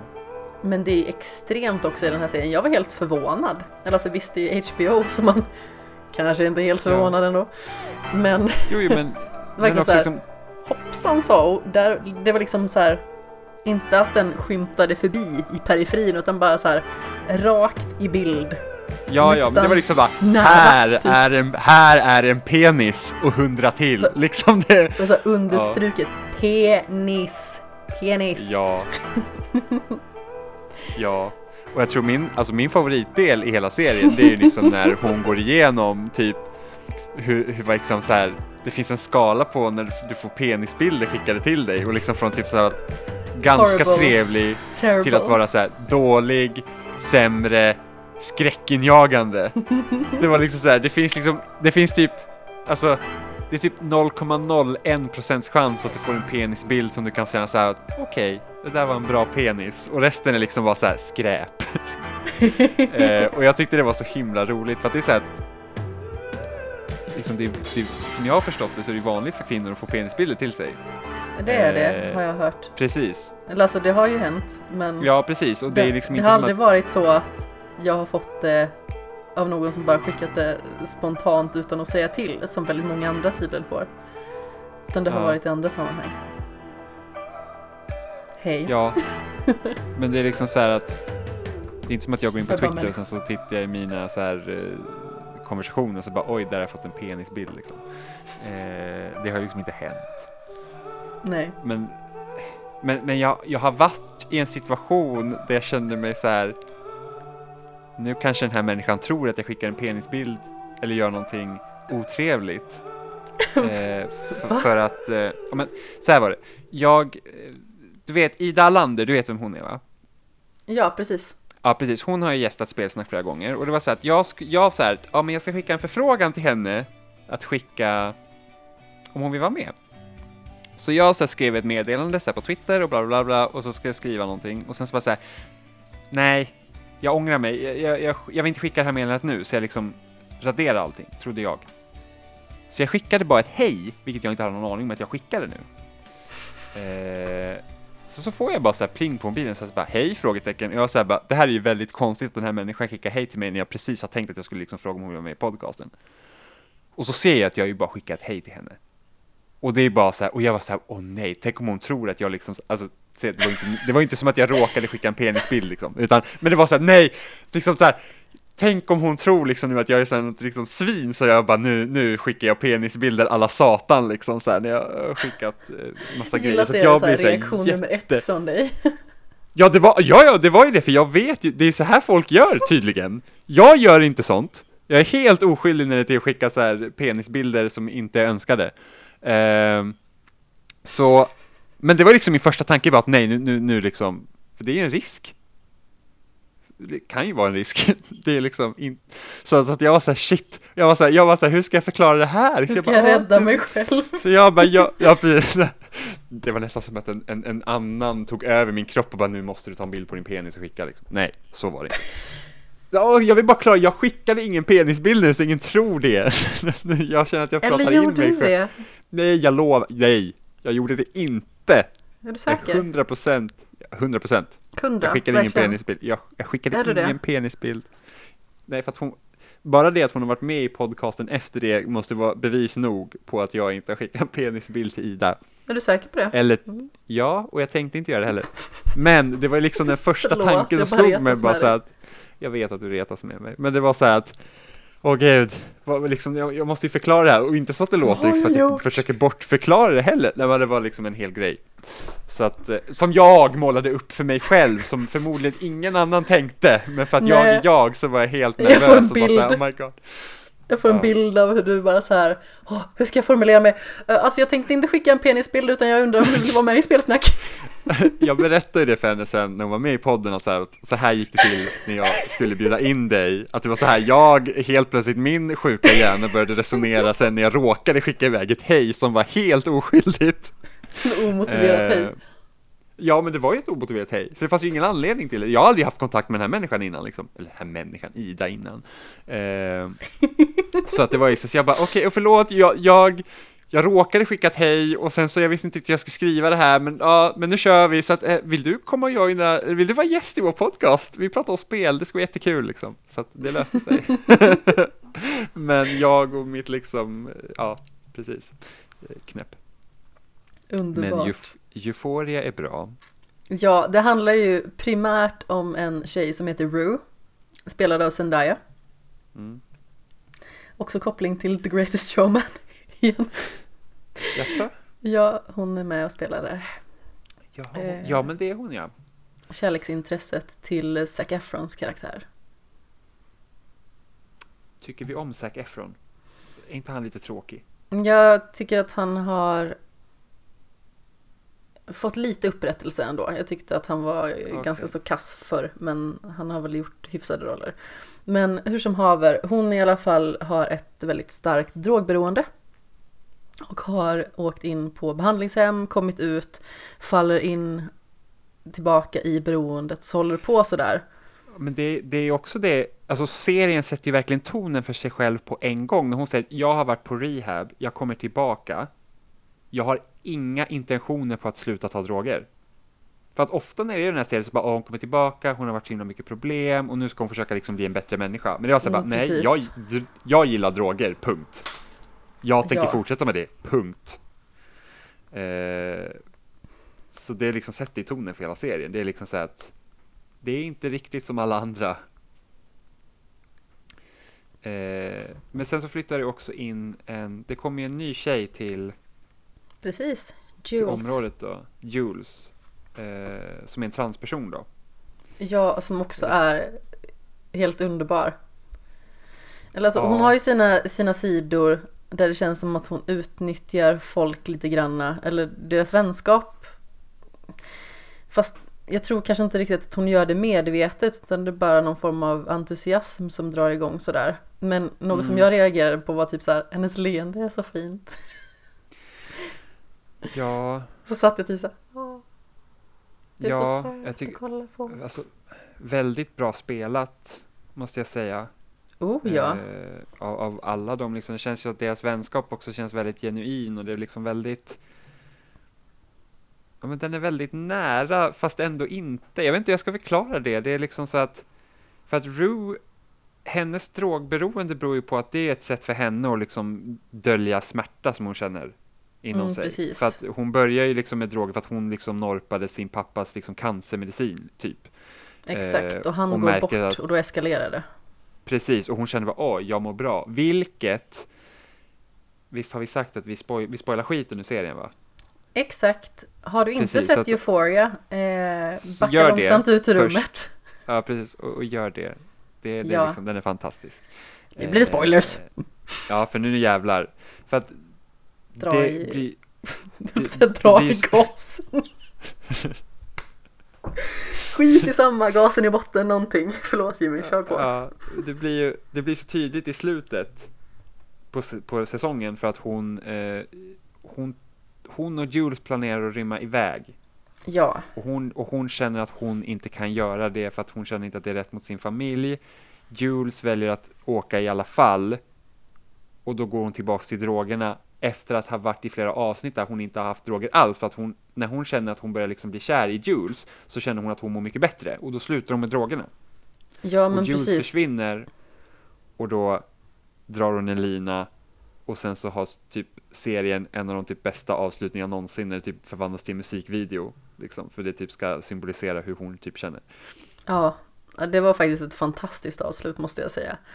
Ja, Men som sagt, det finns ju väldigt många karaktärer och jag tycker att de går ganska så djupt på dem individuellt också. Det är ganska så svårt när det är en sån här ungdomsserie och det blir liksom så spridda karaktärer och så många karaktärer att hålla koll på. Men jag tycker aldrig man liksom tappar kollen på dem riktigt. För att varje avsnitt inleds i mångt och mycket med att gå in lite mer på en karaktär, hur den har haft det som barn. Och de flesta har ju bagage. mm. Alltså, vi har en karaktär till exempel som eh, är väldigt hårt drillad i sin idrott. Vi har en karaktär som eh, vars far var med i en bilolycka efter att eh, föräldrarna separerade och han börjar liksom missbruka sin egen smärtstillande och så vidare. Det finns hela tiden många olika typer av personer. Mm.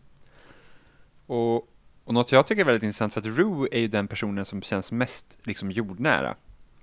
Hon gör Alla ju det andra- samtidigt som att hon ibland kan känna sig himla eh, molnsvävande på något vis. Jo, men för att hon är hög hela tiden. Det, det, Ja. ja, precis. Eh, för alla de andra känns som de är väldigt liksom excentriska på det sättet att de har liksom sin grej. Och, medans, och, då, och då ser ju hon, Rue blir liksom den personen som nästan känns mest, vad ska man säga, jag vill inte säga normal, men liksom klarast på saker och ting kanske? ja men det känns som att hon har bättre koll på världen runt omkring. Kanske, Ja. jag vet inte. Å andra sidan när hon att- är inne i sitt drogberoende så blir hon ju helt från vettet. Jo, precis. Men det känns som att de andra kan typ... Det, det, känns som att hon kanske typ gör... Hon gör de and, Alltså de andra karaktärerna kanske grundar sig i henne och sen svänger iväg därifrån eller något. Mm. För att det känns som att som tittare kanske du behöver ha en karaktär du kan mer eller mindre liksom hålla dig till. Om du inte kan relatera till de andra riktigt. Eller liksom bara delar av det. Eller så att det inte blir för spaceat kanske. Ja. Jag vet inte. Har du någon karaktär som du känner lite extra starkt för?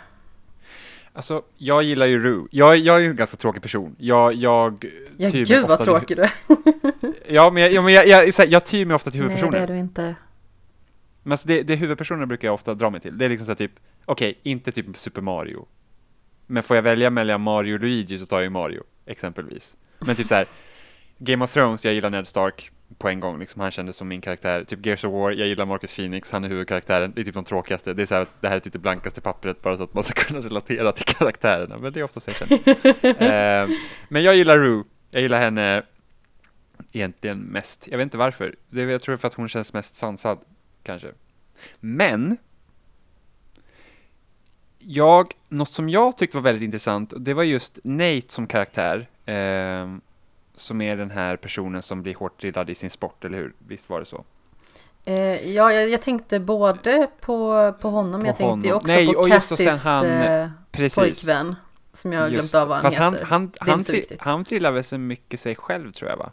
Ja, det Alltså. också. Men jag tror att Nate tror jag tyckte var intressantast för att hans pappa är ju typ homosexuell. Mm. Ish, jag vet, jag vet inte, men han, liksom, han, han tyr sig liksom, ah, okej okej om han tittat, om han ska typ välja så här, ja, ikväll ska jag titta på porr och ha det kul, då ska jag kolla på så här, eh, porr med, med transkvinnor till exempel. Eh, och som han har döljt hela tiden. Och hans son verkar liksom lite ha samma dragning, för att han har typ hittat sin pappas så här porrvideos när han var yngre, och liksom blivit jättepåverkad av det.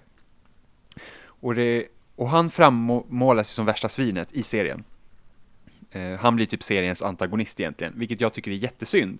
För att i början så visar det typ som att, okej, men han är typ den här populär kille i skolan, han är tillsammans med liksom typ en av de populäraste tjejerna i klassen. Sen så heter han typen- Nathan såklart, som alla andra sådana drygrövar heter. Ja men precis, svingör. Eh, liksom jättepoppis par, liksom allt ser jättebra ut och hans familj är jätterik och bla bla bla. Det är liksom det här vanliga som ofta alltid finns i, i de här serierna. Men just att han har den här liksom, för han, han är ju homosexuell typ. Alltså det ska jag typ säga, ja, eller bis, alltså i alla fall, han dras till män också. Även om han har liksom tjej och så. Mm. Och sen så får ju han kontakt med Jules. Via någon sån här dating app typ Ash, eh, Tinder liknande. Och liksom de får typ, alltså, och deras relation som utvecklas liksom i de tidigare avsnitten är liksom jättefin. Och då tänker man sig, ah, det är det här vad det kommer handla om för dem. Liksom, han kommer typ försöka hitta sig själv och bla bla bla bla. Och sen blir han bara ännu svinigare. Och så blir han typ någon så här superskurk. Och typ Ja. så här framar folk och typ kontaktar polisen och det ska bli rättegång och grejer. Det var så här, alltså den delen tyckte jag var så här jättetråkig faktiskt. Mm, det blir någon kändes form av liksom- motreaktion på sakerna han känner, Ja. antar jag. Ja, Eh, och han är ju ändå inte liksom helt vidrig för att han till och med säger till Jules sen när de träffas första gången sen och hon inser vem han är. Är liksom så här bara att, ja, ah, du är liksom en jättefantastisk person som har ett jättevarmt hjärta och nu är jag elak mot dig. Och jag var bara så här, det här var inte meningen att det skulle hända, det här tyckte Nej. jag inte om. Det, det kändes bara Men det här, är samma liksom sak lite- när Rue och Nathan har en eh, konversation i slutet av eh, det sista avsnittet. Typ Mm. att han liksom säger hur fantastisk Jules är och Ja. hur långt hon kommer att gå. Och sen är han ju taskig mot Rue också för han säger liksom att eh, hon kommer ju ha glömt dig om tio Ja. år. Ja. Och, och liksom visst, han får vara elak och så, men vissa saker känns bara så här, or- alltså det känns liksom nästan för over the top för att kännas liksom eh, rimligt. Ja, jag förstår vad du menar. För att jag hade, för jag, det är säkert många som tyckte Rue och Jules liksom Forever eller någonting sånt och jag var såhär Nate och Jules Det var liksom de jag hoppades på för jag hoppades att det skulle utveckla sig så så att han får liksom, han får bli okej med vem han är för det hade jag tyckt var jätteintressant att se Ja, men det kanske kommer en säsong två. Det antar Jo, jag. det, det ska komma en säsong två, vilket är också min andra kritik på den här serien att de lämnar så många trådar hängandes Mm. Det kändes Definitivt. inte som att det var liksom ett slut för det är liksom att allt lämnades nästan på hälften Kändes Ja. det som Så det var lite synd, för att då tänkte man liksom så att okej, okay, men blir det inte en säsong två så kanske det hade varit okej, okay. men skulle det vara så att nu blir det inte en säsong två, då hade det varit så här, men alltså serien slutar ju liksom inte. Nej. Det, det, och nu blir det en säsong två, det är bekräftat, men, och, vilket är nice, men, men ändå, så det var, det var liksom ser, alltså finalen för säsongen kändes ju inte som en säsongsfinal egentligen, det kändes ju bara som ett, ett avsnitt liksom. Ja. Fast det, det avslutades ju lite i ett crescendo ändå med jo. hela den här musikvideoaktiga sekvensen. Precis, så Rue och Jules får ju liksom ett sätt som skulle kunna avsluta liksom deras relation liksom tillsammans. Alltså, hade, det, hade serien fokuserat på den delen hela tiden, då hade man kunnat få ett avslut. Men det var just det här övergripande liksom så här skurknarrativet med Nate och, och polis och allting grejer som det var det som bara liksom lämnades. Mm. Så, man, så det var, det var lite, lite konstigt var det. Ja, vi får se vad som händer på den fronten. Ja. Eh, en av mina favoritkaraktärer är ju Cat. Mm. Jag tycker om henne jättemycket. Eh, framförallt så tycker jag att hon är väldigt rolig bara som karaktär. Hon, hon säger mycket roliga saker och när serien inleds så är hon oskuld. Mm. Eh, hon har liksom inte, hon har inte legat med någon alls. Eh, och har väldigt så, begränsad eh, erfarenhet av män. Och mm. eh, hon är väl lite osäker för att hon klassas då enligt serien som tjock, vilket hon inte är tycker inte jag. Alltså hon är lite mer kraftigt byggd, alltså hon har eh, mer vid stuss. Hon har inte så jättemycket byst, men alltså hon, hon är lite större än de andra mm. som typ är stickor. Kan man väl säga. Ja. Eh, och på något sätt kan jag relatera till det där. Eh, jag har aldrig varit liksom, jag har aldrig varit tjock. Kan man väl säga. Men jag har varit och är ganska kraftigt byggd. Alltså jag mm. har väldigt mycket ben framförallt. Alltså jag har väldigt mycket muskler på benen, jag har väldigt stor rumpa, jag har stor byst, jag har breda axlar. Eh, alltså dels på grund av träning och sen så dels så lät jag mig själv förfalla lite granna eh, under en period för eh, ja, som, som var för några år sedan. Eh, men jag har också mm. varit nere i en mindre storlek och varit extremt vältränad. Eh, och när jag var ung så blev jag mobbad för att det var någon som behövde rikta uppmärksamheten åt ett annat håll, för det var en kille som var lite knubbig. Och då mm. tyckte några killar i klassen att de behövde hitta en annan hackkyckling. Så att eh, då började de kalla mig för tjockis och allt vad det nu var. Eh, bara för att jag, jag var normal, men inte pinsmal. Helt enkelt. Mm. Så de tyckte väl att det var ett lämpligt offer. Och i, i synnerhet i och med att jag alltid har varit väldigt känslig som person. Eh, mm. Och det har ju präglat mig jättelänge, alltså med eh, min självbild kommer nog aldrig att bli normal. I vilket läge jag än är så tycker jag alltid att jag är för tjock. I stort sett. Jag kollar mm. tillbaka på bilder som var för typ så fyra, fem år sedan. Där jag faktiskt är ganska så liten i relation till nu. Och mm. jag bara så här, hur såg jag inte mig så då? Men jag tänkte bara liksom att, åh, vilken, vilken tjockis jag ser. Liksom mm. då också. Och nu ser jag ju samma sak, bara det att jag har accepterat liksom att jag kanske inte är det, eller att det är fel i mitt huvud. Eh, och en sak som jag tycker är lite jobbig i serien med henne, det är att det liksom sägs att oh, hon är, hon är eh, fyllig, hon är tjock och alltså sådär. Men det kommenteras aldrig på att hon egentligen inte är det. Mm. Hon är bara lite större än de andra. Mm. Eh, och sedan så hennes historia blir ju egentligen då att hon får ju upp ögonen för alltså, sin sexualitet och börjar utforska män mer. Eh, när hon liksom blir av med sin oskuld. Och dessutom så är det någon som filmar henne när hon blir av med den och den får jättemycket uppmärksamhet på nätet.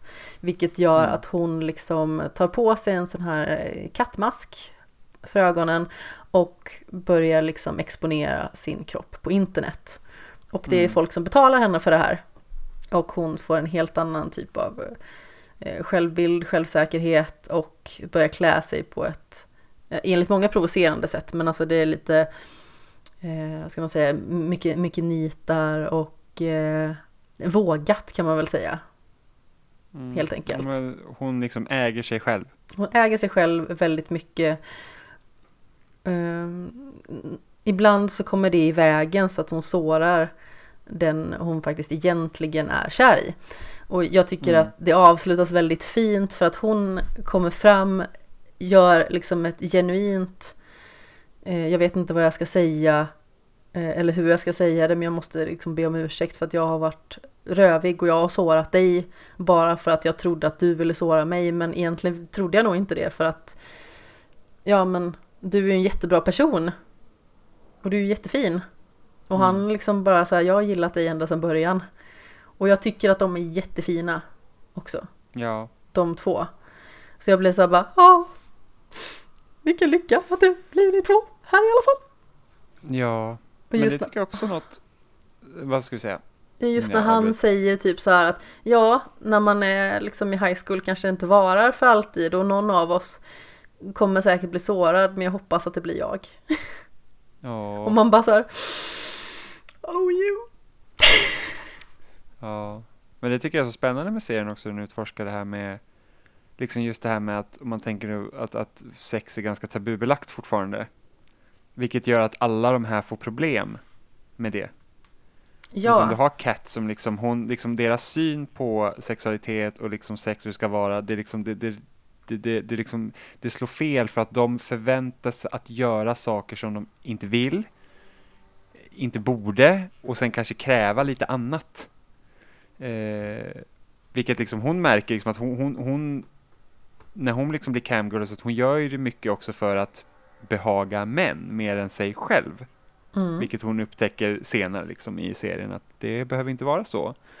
Eh, och sen har vi typ som Cassie, det är hon som eh, på som kan bli typ så här eh, som åker skridskor va, eller hur? Det är Cassie, Ja, precis. Ja.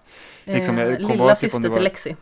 Ja, precis. Jag tror det var i första eller andra avsnitt liksom hon är med sin pojkvän och han gör någonting som hon tror ska vara typ skitnice. Och hon bara, men vad håller du på med? Och han bara, nej men jag, jag trodde det var okej typ. Och så ber han om ursäkt och liksom visar också så här en naturlig del liksom att okej, det kan gå snett, men sen är det bara så här prata ut om det och sen så är det fine. Bara man Ja. liksom lyssnar på varandra. Så det var också en så här, det är inte ofta man ser det, ofta är det bara så här pang bom och så är det liksom, så är det löst. Mm. Liksom. Eller så blir någon våldtagen och så är det inte löst liksom. Utan det, de, Ja de visar de här unga människorna liksom utforska och testa liksom olika saker och sen så bara okej men det här var inte okej, okej, då, då gör vi inte så eller liksom att vi testar det här, oj det, det blir lite knasigt liksom. Eh, så det är också spännande. Ja, jag tycker att det är väldigt bra att man faktiskt går in och petar i det där. För att någonting som tappas bort väldigt mycket i dagens samhälle är ju den ömsesidiga respekten i en sexuell relation. Oavsett om det är sexting, alltså att man eh, skickar bilder eller att man eh, får liksom någonting skriftligt till att man gör olika typer av aktiviteter för varandras njutning. Eh, och jag- Jag tycker det liksom ändå är bra att, att det kommenteras på. Eh, För att i, i samhället kan det bli väldigt mycket så här i heterosexuella relationer. Jag vet inte riktigt hur det är i homosexuella relationer till exempel. Eh, hur, hur det står där. Men eh, i heterosexuella relationer så är det väldigt mycket att eh, mannen ska behagas fullt ut och kvinnan glöms av. Mm. Eh, vilket kan bli väldigt konstigt, i synnerhet när det faktiskt finns män som vill behaga kvinnor, men de vet inte hur man ska göra. Nej. Och i och med att kvinnor ofta får lära sig typ att de ska behaga män, då vet inte de nästan själv hur de ska göra. Nej men precis. Det är och det så här utforskar helt ju serien snedvänt. också. Ja, och det, det, det går de igenom också. Mm. Alltså bara en sån sak som typ onani till exempel. Eh, Mm. Alltså skulle en, killar kan ju nämna det liksom hux flux typ eh, i, i sina sammanhang. i kompisgäng. Men skulle en tjej nämna det i sitt tjejgäng, då skulle det bli världens rabalder och folk skulle liksom tycka förmodligen att det var äckligt. Men är det så fortfarande? Det är ganska så mycket sånt. Ja. Alltså nu kan det ju vara så här kvinnor som är lite äldre än jag själv som har liksom Ja. pratat kring det här som jag har överhört. Um, som tycker liksom att det är äckligt. Ja, men man gör väl inte sånt. Men jo, det gör man väl. Ja, jag tror att yngre generationen tror jag är mer öppnare med det. Ja, fast ändå, som sagt, den yngre generationen är väldigt porrskadad också. Ja, jo. Eh, Jag har Jo. aldrig kollat på porr. Så jag, jag vet inte, jag, jag har i mångt och mycket mina egna erfarenheter att gå på. Men jag tror framförallt ju yngre folk är och ju mer tillgängligt saker är på internet, desto mer porrskadade ungdomar kommer vi ha. Just för att ta eh, sexualkunskapen i skolan, det är en sak som till exempel kommenteras på i sex education. Det är ju att Mm. den kunskapen som vi får är så himla bristfällig. Det är ju ing- alltså man har bara ett tillfälle tror jag. Ja men det är typ så här, åh, sätta på en kondom på en banan. Här, Ja, fast det handlar ju om ingenting.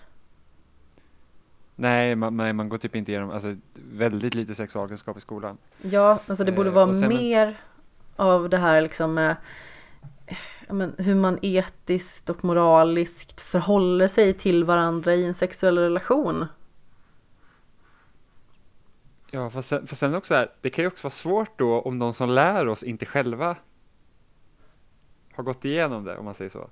Ja, och, och dessutom så kan de vara väldigt så här, återhållsamma för att de tycker att det är pinsamt att prata om. Ja, Typ biologiläraren liksom som tycker att det är jobbigt att säga fis. alltså det är ja. gud, vi, vi fick ju sitta med sjuksystern, typ när man gick i femman och gå igenom olika grejer. I femman? Just- Ja, vi hade första, ja men första i fe, jo, femman var första gången vi hade sexualkunskap. Jaha. Så fick tjejerna gå iväg först. Och de ska gå igenom, de ska gå igenom allt det här med mens och allting sånt där grejsmojser. Vilket vi inte ens fick veta på vår sexualkunskap. Crazy Moiser. Ja men, ja men du förstår vad jag menar. Mon- crazy men mens. Men de fick liksom så här, de fick så här, prova på, de fick med sig så här bindor och tamponger och sådana grejer med sig hem, kom ihåg. Vi fick inte alls veta någonting om hur det är för tjejer att ha mens under vår sexualkunskapslektion. Vi fick typ veta så här, bara, ah, så här ser det typ ut när man får stånd. Och det här kan hända, hö hö. Det var liksom jättedåligt. Och, så här, och alla sitter och fnissar såklart för att det är liksom Ja men typ, jag kommer ihåg att typ alla sitter Ja. Ja, och sen typ, ja men så det blir så här lite jobbig stämning och så sitter alla och fnissar för att det är liksom så första gången man får liksom höra vissa saker liksom. Man bara haha, du vet, som det blir. Eh, jag tror att tjejerna tog det där betydligt bättre än vad killarna gjorde. Eh, men liksom, varför får man inte veta om båda sakerna? Ja liksom, precis. även om de kanske inte då vill att vi ska gå samtidigt som, alltså om de fortfarande delar upp tjejer och killar, fine, men vi borde ju fortfarande få veta. För att oavsett om du är kille eller tjej så kommer du fort, så är chansen är ganska stor att du kommer liksom ha att göra med den andra, om man säger så. Och dess Ja men så ska man hantera liksom en penis kan det vara bra att veta hur man använder den typ. Precis, och liksom har du en relation Så med man en inte tjej så kommer skadar du, den. Ja. ja. Eh, men har du en relation med en tjej så kan det vara bra också att veta hur mens och sånt fungerar för att eh, liksom chansen är ganska stor att hon kommer ha mens. Liksom. Så att, eh, Förmodligen. ja, så att det är liksom bra att veta. Men samtidigt så det är väl sånt också som ändrar sig. Nu är det länge sedan vi liksom gick i skolan, men jag vet inte om sexualkunskapen har blivit så himla mycket bättre. Nu pratar de om en massa porrfilter och sånt i skolorna som Mm. alla säger är helt värdelöst liksom för att det kommer inte hjälpa någonting. Ja. Eh, så att ja, Jag har inte koll på dagens ungdom. Säger farmor här på andra sidan. ja. Nej, jag vet inte heller, alltså det är bara det att på tio år så ändrar sig skolan så otroligt mycket också. Så det är liksom bara, Absolut. alltså, jag är fortfarande typ helt i chocktillstånd, typ så här. Jag är en, eh, en kompis, han jobbar på en skola där varenda elev har en iPad. Och jag är bara Ja. så här, va? Det är helt sjukt. Jag bara, Men vadå, så var papper och typ. Nej men så var det typ när jag gick sista året på gymnasiet och det här var ju ändå Som sagt, jag bytte ju skola efter ett år, så jag gick Ja. fyra år sammanlagt. Så jag gick ju mitt sista år 2012 tog jag studenten. Mm. Ehm, Och, jag, och jag gick mitt sista 2011 tog jag student. mm, precis. Jag hade ett sabbatsår. Ja, och då började ju alla som gick i ettan, dels så fick ju de här A till F betygen, Ja, dels så fick alla varsin dator. Man bara, vad i oj. helsike? Det hade inte vi i vår skola i alla fall. Det vet Nej, jag. vi hade ju inte det heller. Vi hade ju förvisso bra tillgång till datorer. Eh, här datorsalar och sådant. Mm. Med alla nödvändigheter vi behövde med, med Photoshop och eh, Final Cut och, och sådant. Eh, Indesign och så vidare. Mm. Men eh, alltså när alla började liksom få laptops, man bara vad i helsike? Ska alla ha varsin laptop? Vad är nyttan med det? Jag är sån, jag antecknar ju fortfarande hellre med papper och penna än att anteckna på dator. Ja, jag började min universitetskarriär med att anteckna på papper och sen är det så att det är så mycket att anteckna så du hinner inte skriva. Ah. Eh, och sen så, det är ganska skönt att ha det på datorn också och kunna vara med allting. Jo, Men, men jag är så här Men- men jag- renskriven jag- person. men- men samtidigt, jag håller med. Eh, jag tror också att man förlorar om man inte skriver. För att man, att läs och skrivkunnigheten blir sämre. Och, eh, och det kan ju bero på också att du, det, det, du får ju ett annat du får en annan känsla för ord om du skriver dem fysiskt med handen än om du trycker på tangenter där alla känns likadana. Liksom, Ja, hur, hur, hur absolut. skriver du ett A på en tangent? Hur, hur känner du liksom att det är en A när du kan liksom Det skriva så här, det med... Hur formar du bokstaven? Ja men precis, så att det liksom, det kan också ha med saker göra, inte för att vi vet det, jag vet inte om det har bedrivits någon forskning på det, men det kan ju ha Det någonting har det att göra. säkert. Så att eh, det, det är också, för att jag, alltså jag, jag tycker om att skriva, alltså rent fysiskt. Det Jag att det- också. Det är bara så himla mycket smidigare med en dator. Man ser ju bara folks skrivstil idag liksom, den är ju horribel. Ja men den är inte, jag ska inte säga att min är jättebra heller. Den har blivit betydligt Nej, sämre. men alltså å andra sidan min, min halvbror, eller min bror, Ja. han är tio år äldre än vad jag är. Det finns ingen, förlåt Ludvig, men det finns ingen som skriver fulare. Tror jag. Åh nej. Han skriver alltså som två läkare kombinerat. Typ. Åh gud, det är ju, det är ju för övrigt, det är ju fan fruktansvärt nu på universitet så här. Vi hade en, alltså ofta får det ju kommentarer också liksom. Om de inte lämnar digitala kommentarer så får, skriver de liksom, de skriver ut våra uppsatser och sen så lämnar de kommentarer Ja. där så får man springa och hämta dem. Eh, och vi hade fått på vår B-uppsats så hade vi fått en kommentar där vi vi var tre stycken och var så här, vad fan är det som står? Och bara försökte tyda det så mycket som Mm, möjligt. Och till så slut kom vi fram till att det stod så här, något otydligt på en del i vår uppsats. Man säger bara, jag think, liksom. kunde knappt, kunde inte se vad det stod, liksom. något otydligt, så bara, jajamensan, håller med, liksom. Så att, så att ibland har man ju fått vissa kommentarer, så bara, jag vet inte vad läraren har skrivit här. Det är liksom, jag, Nej, det är omöjligt för mig att se vad det som står. Nej, men vissa, Mm. vissa skriver ju riktigt illa. Alltså det är ju överlag egentligen skulle jag väl säga. Sen så är jag ju sån här nästan perfektionist personen, så jag skriver ju pyttelitet. Eh, Mm. Extremt litet. Jag kommer ihåg jag skulle skriva, vi hade ju olika typer av tentor när jag studerade till personlig tränare. Mm. Eh, och min lärare liksom sa det att du, när jag först slängde ett öga på din uppsats så tänkte jag nej, det här gör inte jag. Jag, kommer, jag behöver sitta med förstoringsglas. Och sen så kollade jag lite närmare och bara oj vad rent det ser ut. Bara, ja, Vad kul. Nej, det här gör inte jag. för att jag skriver så litet men jag skriver väldigt ordentligt så det gick bra Mm. ändå. ja, men vad bra. Ja, Ja. och jag fick min licens. Ja, men då så, så det var, de bara, äh, vi, det var säkert bra, vi godkänner bara. kan fan inte läsa det här. Och biomekanik liksom. Bara så här, skriver extra litet för att de bara såhär, ah, det, är, det här är nog rätt. ja, nog rätt. Se ett A, så bara ja. Biomekanik, jag tror det var den svåraste delen i ärlighetens namn. Mm, det låter komplicerat. Det var det också. Mm. Det och fysiologi, Ja. mycket med någon svår- hormoner och sånt. Ja, det är en del. Jag måste tänka, har jag gjort någon riktigt svår salstenta? Jag, jag är ganska bra på salstentor så det brukar aldrig vara något problem. Eh, Jag fick ha problem en... med tiden. Ja, nej, jag skriver snabbt också så att jag... jag Ja, det, är inte, vara- det är inte skrivandet som är problemet utan det är mer så här att jag tänker länge och väl. Ja, okej. Det gör inte jag heller. Jag pang Okej. på. Jag... Eh, pang på bara. In, ut, klart. Åh jäklar vilken smäll det blev, inte meningen. Det var verkligen, någon var exalterad. eh, nej men så att jag, jag så salstid är aldrig något problem utan jag är liksom så här, jag sätter mig ner, läser alla frågor och sen så bara okej, hur ska jag planera upp det här? Okej, sen kör jag bara och sen köttar jag på. Jag läser inte ens igenom en gång till utan jag lämnar in sen när jag är klar bara.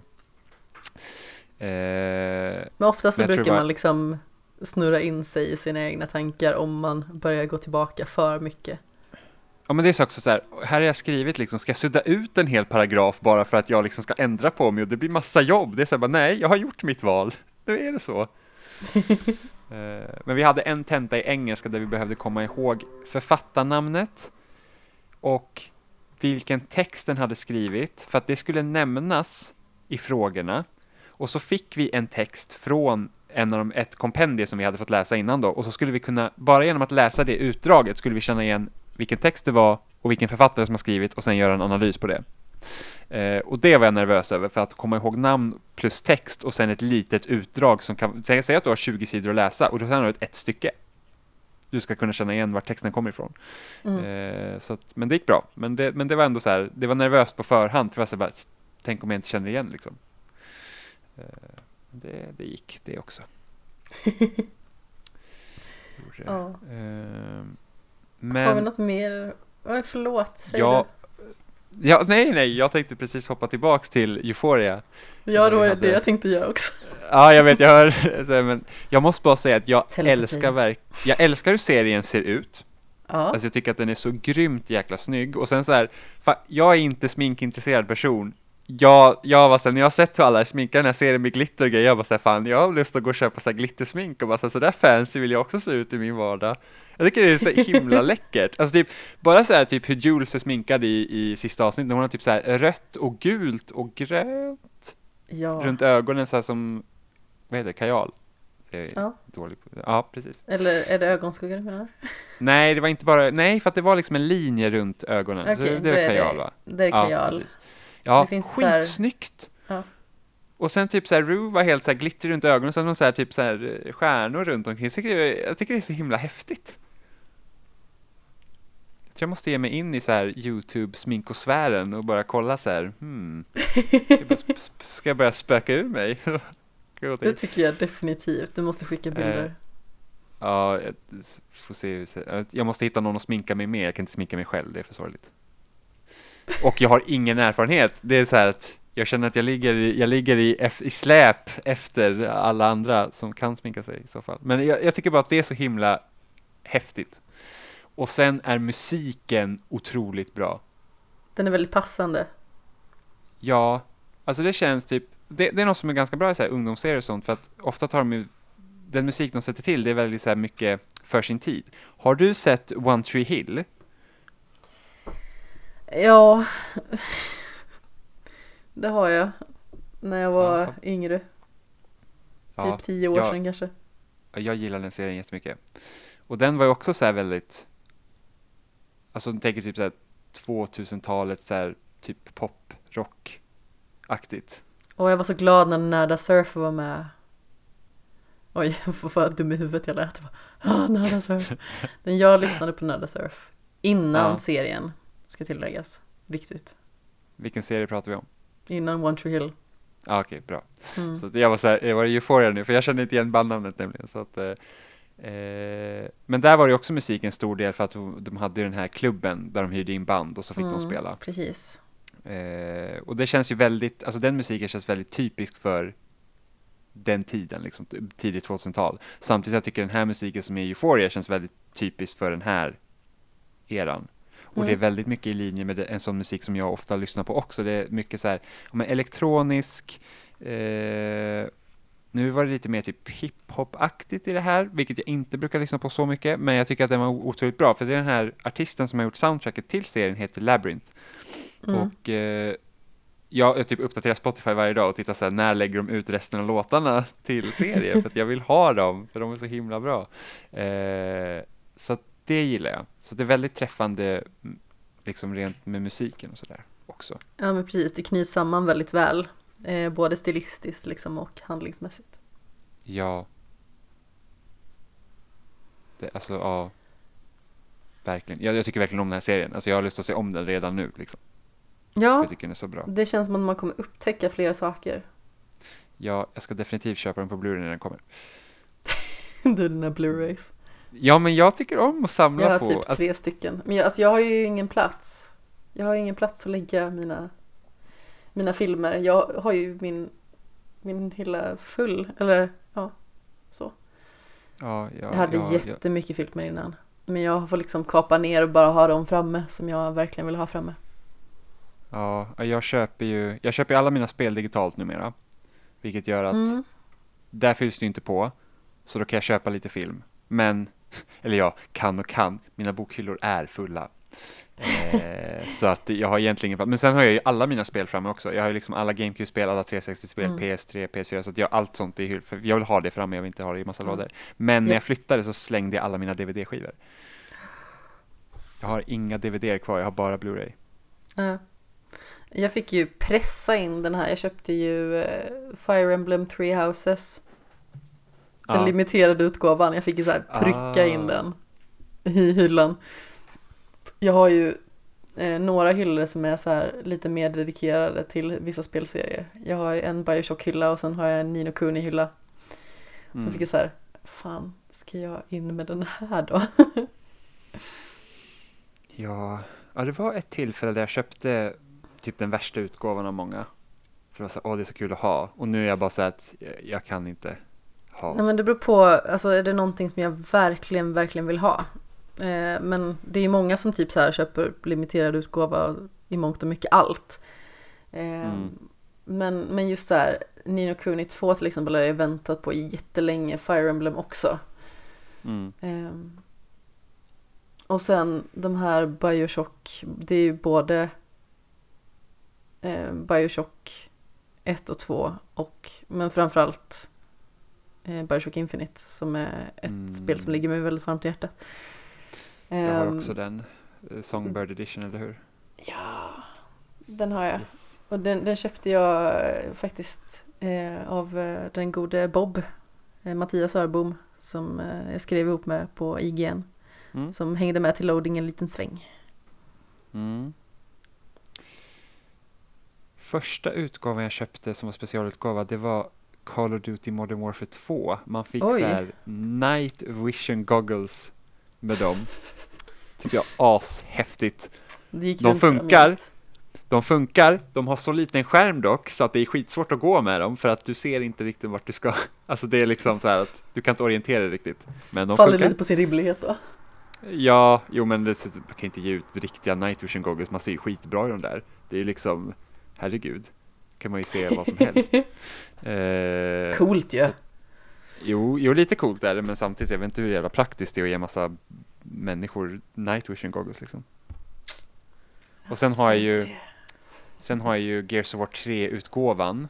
Så har man en Marcus Phoenix-staty, fick man med den. Och jag var så jävla pepp på den utgåvan. Och så jag bokade den på webbhallen. Och sen så fick man mail från webbhallen så här bara, nej vi kommer inte få in den här, tyvärr. Så då gjorde de om den utgåvan så man fick en stor Locust-staty istället. Och jag var ju, alltså jag var ju jätteirriterad för jag ville verkligen ha Marcus Phoenix-statyn. Jag bryr mig inte om någon jävla Locust. Och sen hittade jag på, sen hade Game fått in den limiterade utgåvan och sålde den mycket Game. billigare. Precis. Så då bokade jag den på Game för, för typ 500 billigare. Men då hade jag ju redan förlikat mig med tanken om att jag skulle få ett stort Locust-huvud, så jag köpte båda. Så att jag har Marcus Phoenix-statyn och en Locust-staty i min hylla. Härliga tider. Ja, Uh, jag minns när Game skulle ha sin så här utförsäljning för att de hade gjort sitt. Och då Mm. köpte jag en Wii för typ så här 300 spänn. Oj, och det var billigt. Mm. Ja, så det var ju i eh, fortfarande ganska tidigt i mitt liksom mer brinnande spelintresse. Mm. Så det var ganska så, så roligt att ha en, en maskin till. Framförallt typ så här, kunna spela Mario Kart och Mario Party och sådär. Spela ihop mycket. Mm. Eh, sånt som man kanske inte gjorde på PS3. I och med att jag hade ju mina spel och han hade sina spel.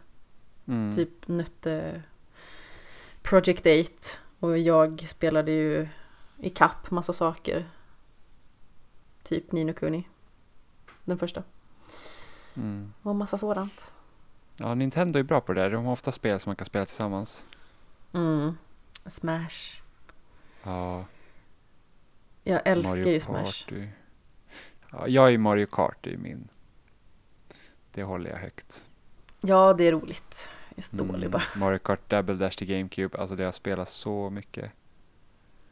Super Smash Brothers Melee till GameCube. Ja, Vi lånade en GameCube en, eh, en sommar. Så att och hatade varandra i det hela tiden. Mm. ja. Och min syrra. Eh, eh, säg du vad du ska säga.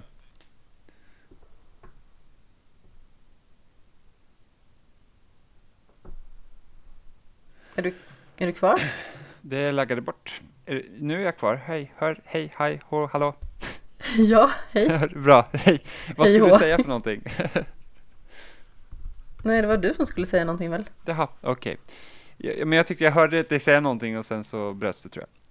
Eh, men jag kan, jag kan säga, min, det var jag och, nu ska vi se, det måste varit jullovet 2003-2004 där, när Mario Kart Double Dash hade släppts. Så spel, jag och min syrra spelade jättemycket och sen så skulle vi försöka få guld i alla kupper. Eh, men vi ville ju inte sitta i samma bil för att vi båda är sådana tävlingsmänniskor så vi ville liksom vinna själv så vi körde ju mot varandra plus alla bottar. Och då var det typ Flower Cup på 150 cc hade vi kört så många gånger, alltså så många gånger och ingen av oss hade lyckats ta liksom guldpokalen på den. Så att då var det en bott och det var den här jävla växten, P.T. Piranha heter han tror jag, som var så jävla vidrig, vann hela tiden.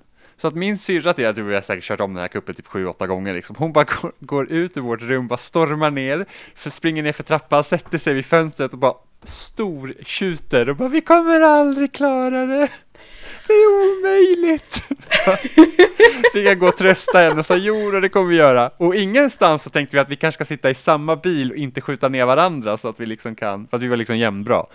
Så att, eh, men ja, vi klarade det till slut. Men det var liksom, alltså hon verkligen, alltså tårarna sprutade, det var liksom så här, det var det hemskaste som hade hänt. Just då. Och vi kommer aldrig klara det. Ja. Det Ja, härliga tider. ja. Har vi något mer att säga? Jag vet, nej jag tror vi, vi prickade väl allt. Jag tror, Tror det jag. också. Om inte du har något så här, du kommer ut med någon djup insikt. Oj, nu lät det som att du förväntade dig att jag skulle Ja, göra nej, det. nej, nej, det var ett förslag Amanda, du behöver inte, om du inte har Okej. någonting så behöver du inte. Jag har- otroligt bra, jag är otroligt glad att jag sett serien, alltså, jag tyckte det var så himla bra. Ja, jag också. Jag Har- ville se den ett tag, men sen så var jag så här, Mm. ah, den kanske är bra. Har du sett Skam? Eh, nej, något avsnitt fastnade inte. Va? Jag älskar Skam. Jag tyckte den var, den var kanon. Mm. Jag fick till, det är till och med så att jag har säsong 1 manuskript på bok. Jag fick den i födelsedagspresent. Oj, oj, oj. Jajamensan. Mm. Se Sex Education. Ja, jag måste, jag har så mycket att se. Jag så sitter och buffar på dig här. Eh, Ja, men Glow kommer på fredag, det måste jag se först. det är vad du tror. Har du sett Glow? Nej, det frågade du måste- häromdagen. måste, jaha, men nu frågar jag igen och då sa du nej. Du kanske hade, du kanske hade hunnit se på de här två dagarna. Nej, det har Du, jag inte. du borde se, Förlåt. du borde se. Jag vet inte, men du är Mm. säkert den tredje personen jag tipsar Glow om den här veckan kanske. Men Det, det, det är Jag har bra. mig två gånger. ja, okej. Sant. Men du borde se det. Säsong tre kommer på fredag, det, det är kanon. Ja, okej då. Jag kanske ska ge det en chans. Vi får se. Mm. Nej, ja, du ska se. Bra inställning. Okej, Du, ja, om du kollar på Glow så kollar jag på. Sex Education. Okej, okej. Mm, just det. Eh, men vart hittar man dig när inte du är här och pratar jag, med skriver, mig? jag skriver om spel på loading.se och jag pratar om spel på Spelsnack som finns i varenda podcastapp. Mm, Och vill man se mig tweeta ibland så tweetar jag på Separat13. mm. Och jag finns på Kapten Sten på sociala medier, Sten med 2e. Och sedan så finns ju naturligtvis Skämshögen på snabela Skamshogen. Finns på Facebook, finns där poddar finns. Och sen naturligtvis, har man några frågor och funderingar så är det bara att höra av sig. Det känns som att det blir väldigt sporadiskt eh, med sådant. Men det hade varit kul att liksom höra att ni existerar där ute och att ni lyssnar på podden. Eh, för Mm. jag vet ju själv att jag länge i många poddar var väldigt hemlig och inte lämnade någon kommentar eller sådär. Men som sagt, det är alltid kul när folk ger sig till känna. Det är väldigt roligt för det är en lyssnare som brukar kalla Skämshögen för Sveriges djupaste podd. Och man bara såhär, ja ah, okej. Ja. S- Sveriges mest iväg svävande podd känns det ofta Det, det som. är då det blir djupt. Det, är då man svävar, vi svävar neråt, Amanda. Andra svävar uppåt, vi svävar neråt. ja, det är oftast du som svävar med mig. Ja, De längsta avsnitten är med dig, du. du. De är djupast. Ja. Så om man sätter, om man sätter ljudspåret rakt ner så går de. Vi har så mycket att prata om. Vi har det. Nästan tre timmar igen, det, det, Ja. det trodde jag inte. Men det så blev det. Ja, så det trodde du inte. Vad menar du med Nej men, alltså, nej men jag vet inte, jag tänkte att vi Skojar kanske blir effektivare. Så att jag har inte sett så mycket den här veckan tänkte jag, så det, det, det kanske inte blir så långt. Hade jag fel om? Jag tänkte så här att det här kan sluta hur som helst. Jaha, okej. Så att du hade ingen förhoppning? Jag var i alla fall man lite... ser på det. Ja, sant, sant. Nu ska jag inte vara sån. Oj, katt. Men eh, ja, det är kul. Får vi smeka eh, trumhinnan på lyssnarna. Kan man säga så? Det är lätt, det är lätt äckligt. Speciellt i och med att du sa det med Ja, konstpaus. ja. Jag bara, vad är faktiskt. det du ska säga? Ja, jag ska massera öronsnibbarna medan ni lyssnar på våra röster. Jag, Ah. jag, skick, jag skickar inga dickpics men jag säger lite så här konstiga saker. Och jag skickar inga snipppics. Snipppics. Vad ska man kalla det? Jag vet inte, så här, vaginabilder. Nej men gud, gud vad akademiskt det lät. Det lät, det lät verkligen jättetorrt. Vaginafotografier. Men. Ja, dickpics, det låter ju ändå Ja. halvt halvroligt. Sen är det ju inte speciellt kul. Eller ja, vissa kan säkert vara jätteroliga att titta på. Man bara, vad är det där? Sen kan jag inte förstå så här, eller de, det en penis? men de som bemödar sig att skicka dickpics och sen så är de inte rena. Liksom, vad va, vad hade du förväntat dig? Liksom, det måste ju ändå vara det största så här fuck-upen någonsin, så här, bara, du, du, du liksom drar ner byxorna, fotar och sen bara, fan vad nöjd jag är, och så är den smutsig. Ta en dusch innan du skickar. Ansträng dig om du ändå ska Ja. skicka bilder på dig själv, säger jag bara. Sätt på en rosett eller någonting. Så slå in, slå in den, eller jag vet inte. Gör inte det. Eh, Ja, nej, skicka inte dickpics. Om det inte någon frågar dig om du kan skicka dickpics, då kan du skicka Jag tänker bara på så här inledningen av Gösta. Eh, Så huvudkaraktären får en förfrågan av sin flickvän att skicka en bild på hans penis. Och han är så här fullt monderad i typ så här höst-vinter ungefär. Han går ut i skogen för han är på väg till sitt jobb, tar ner byxorna, tar en bild på sin penis, drar upp byxorna, skickar iväg och så får hon liksom eh, så här bara, ha? Va? Alltså varför är bilden svartvit? Och varför är den slak? Och han liksom bara, men jag är på, hallå, på väg till jobbet. Så här, samtiden. Ja. Ja. Nej, innan det här spårar för mycket, eller det hade den gjort. Det är för Vi sent. kan lika gärna spåra lite till. Vi har spårat så mycket att det finns inga spår kvar att spåra Nej. av. Nej. Vi har spårat ur. Vi har Eh, spårat ur. Ja. Allesammans, puss i ljumsken. Jag har ju ingen catchphrase i slutet jag säger bara konstiga saker. konstigt. Öronsnibbssmek. Jag sa det.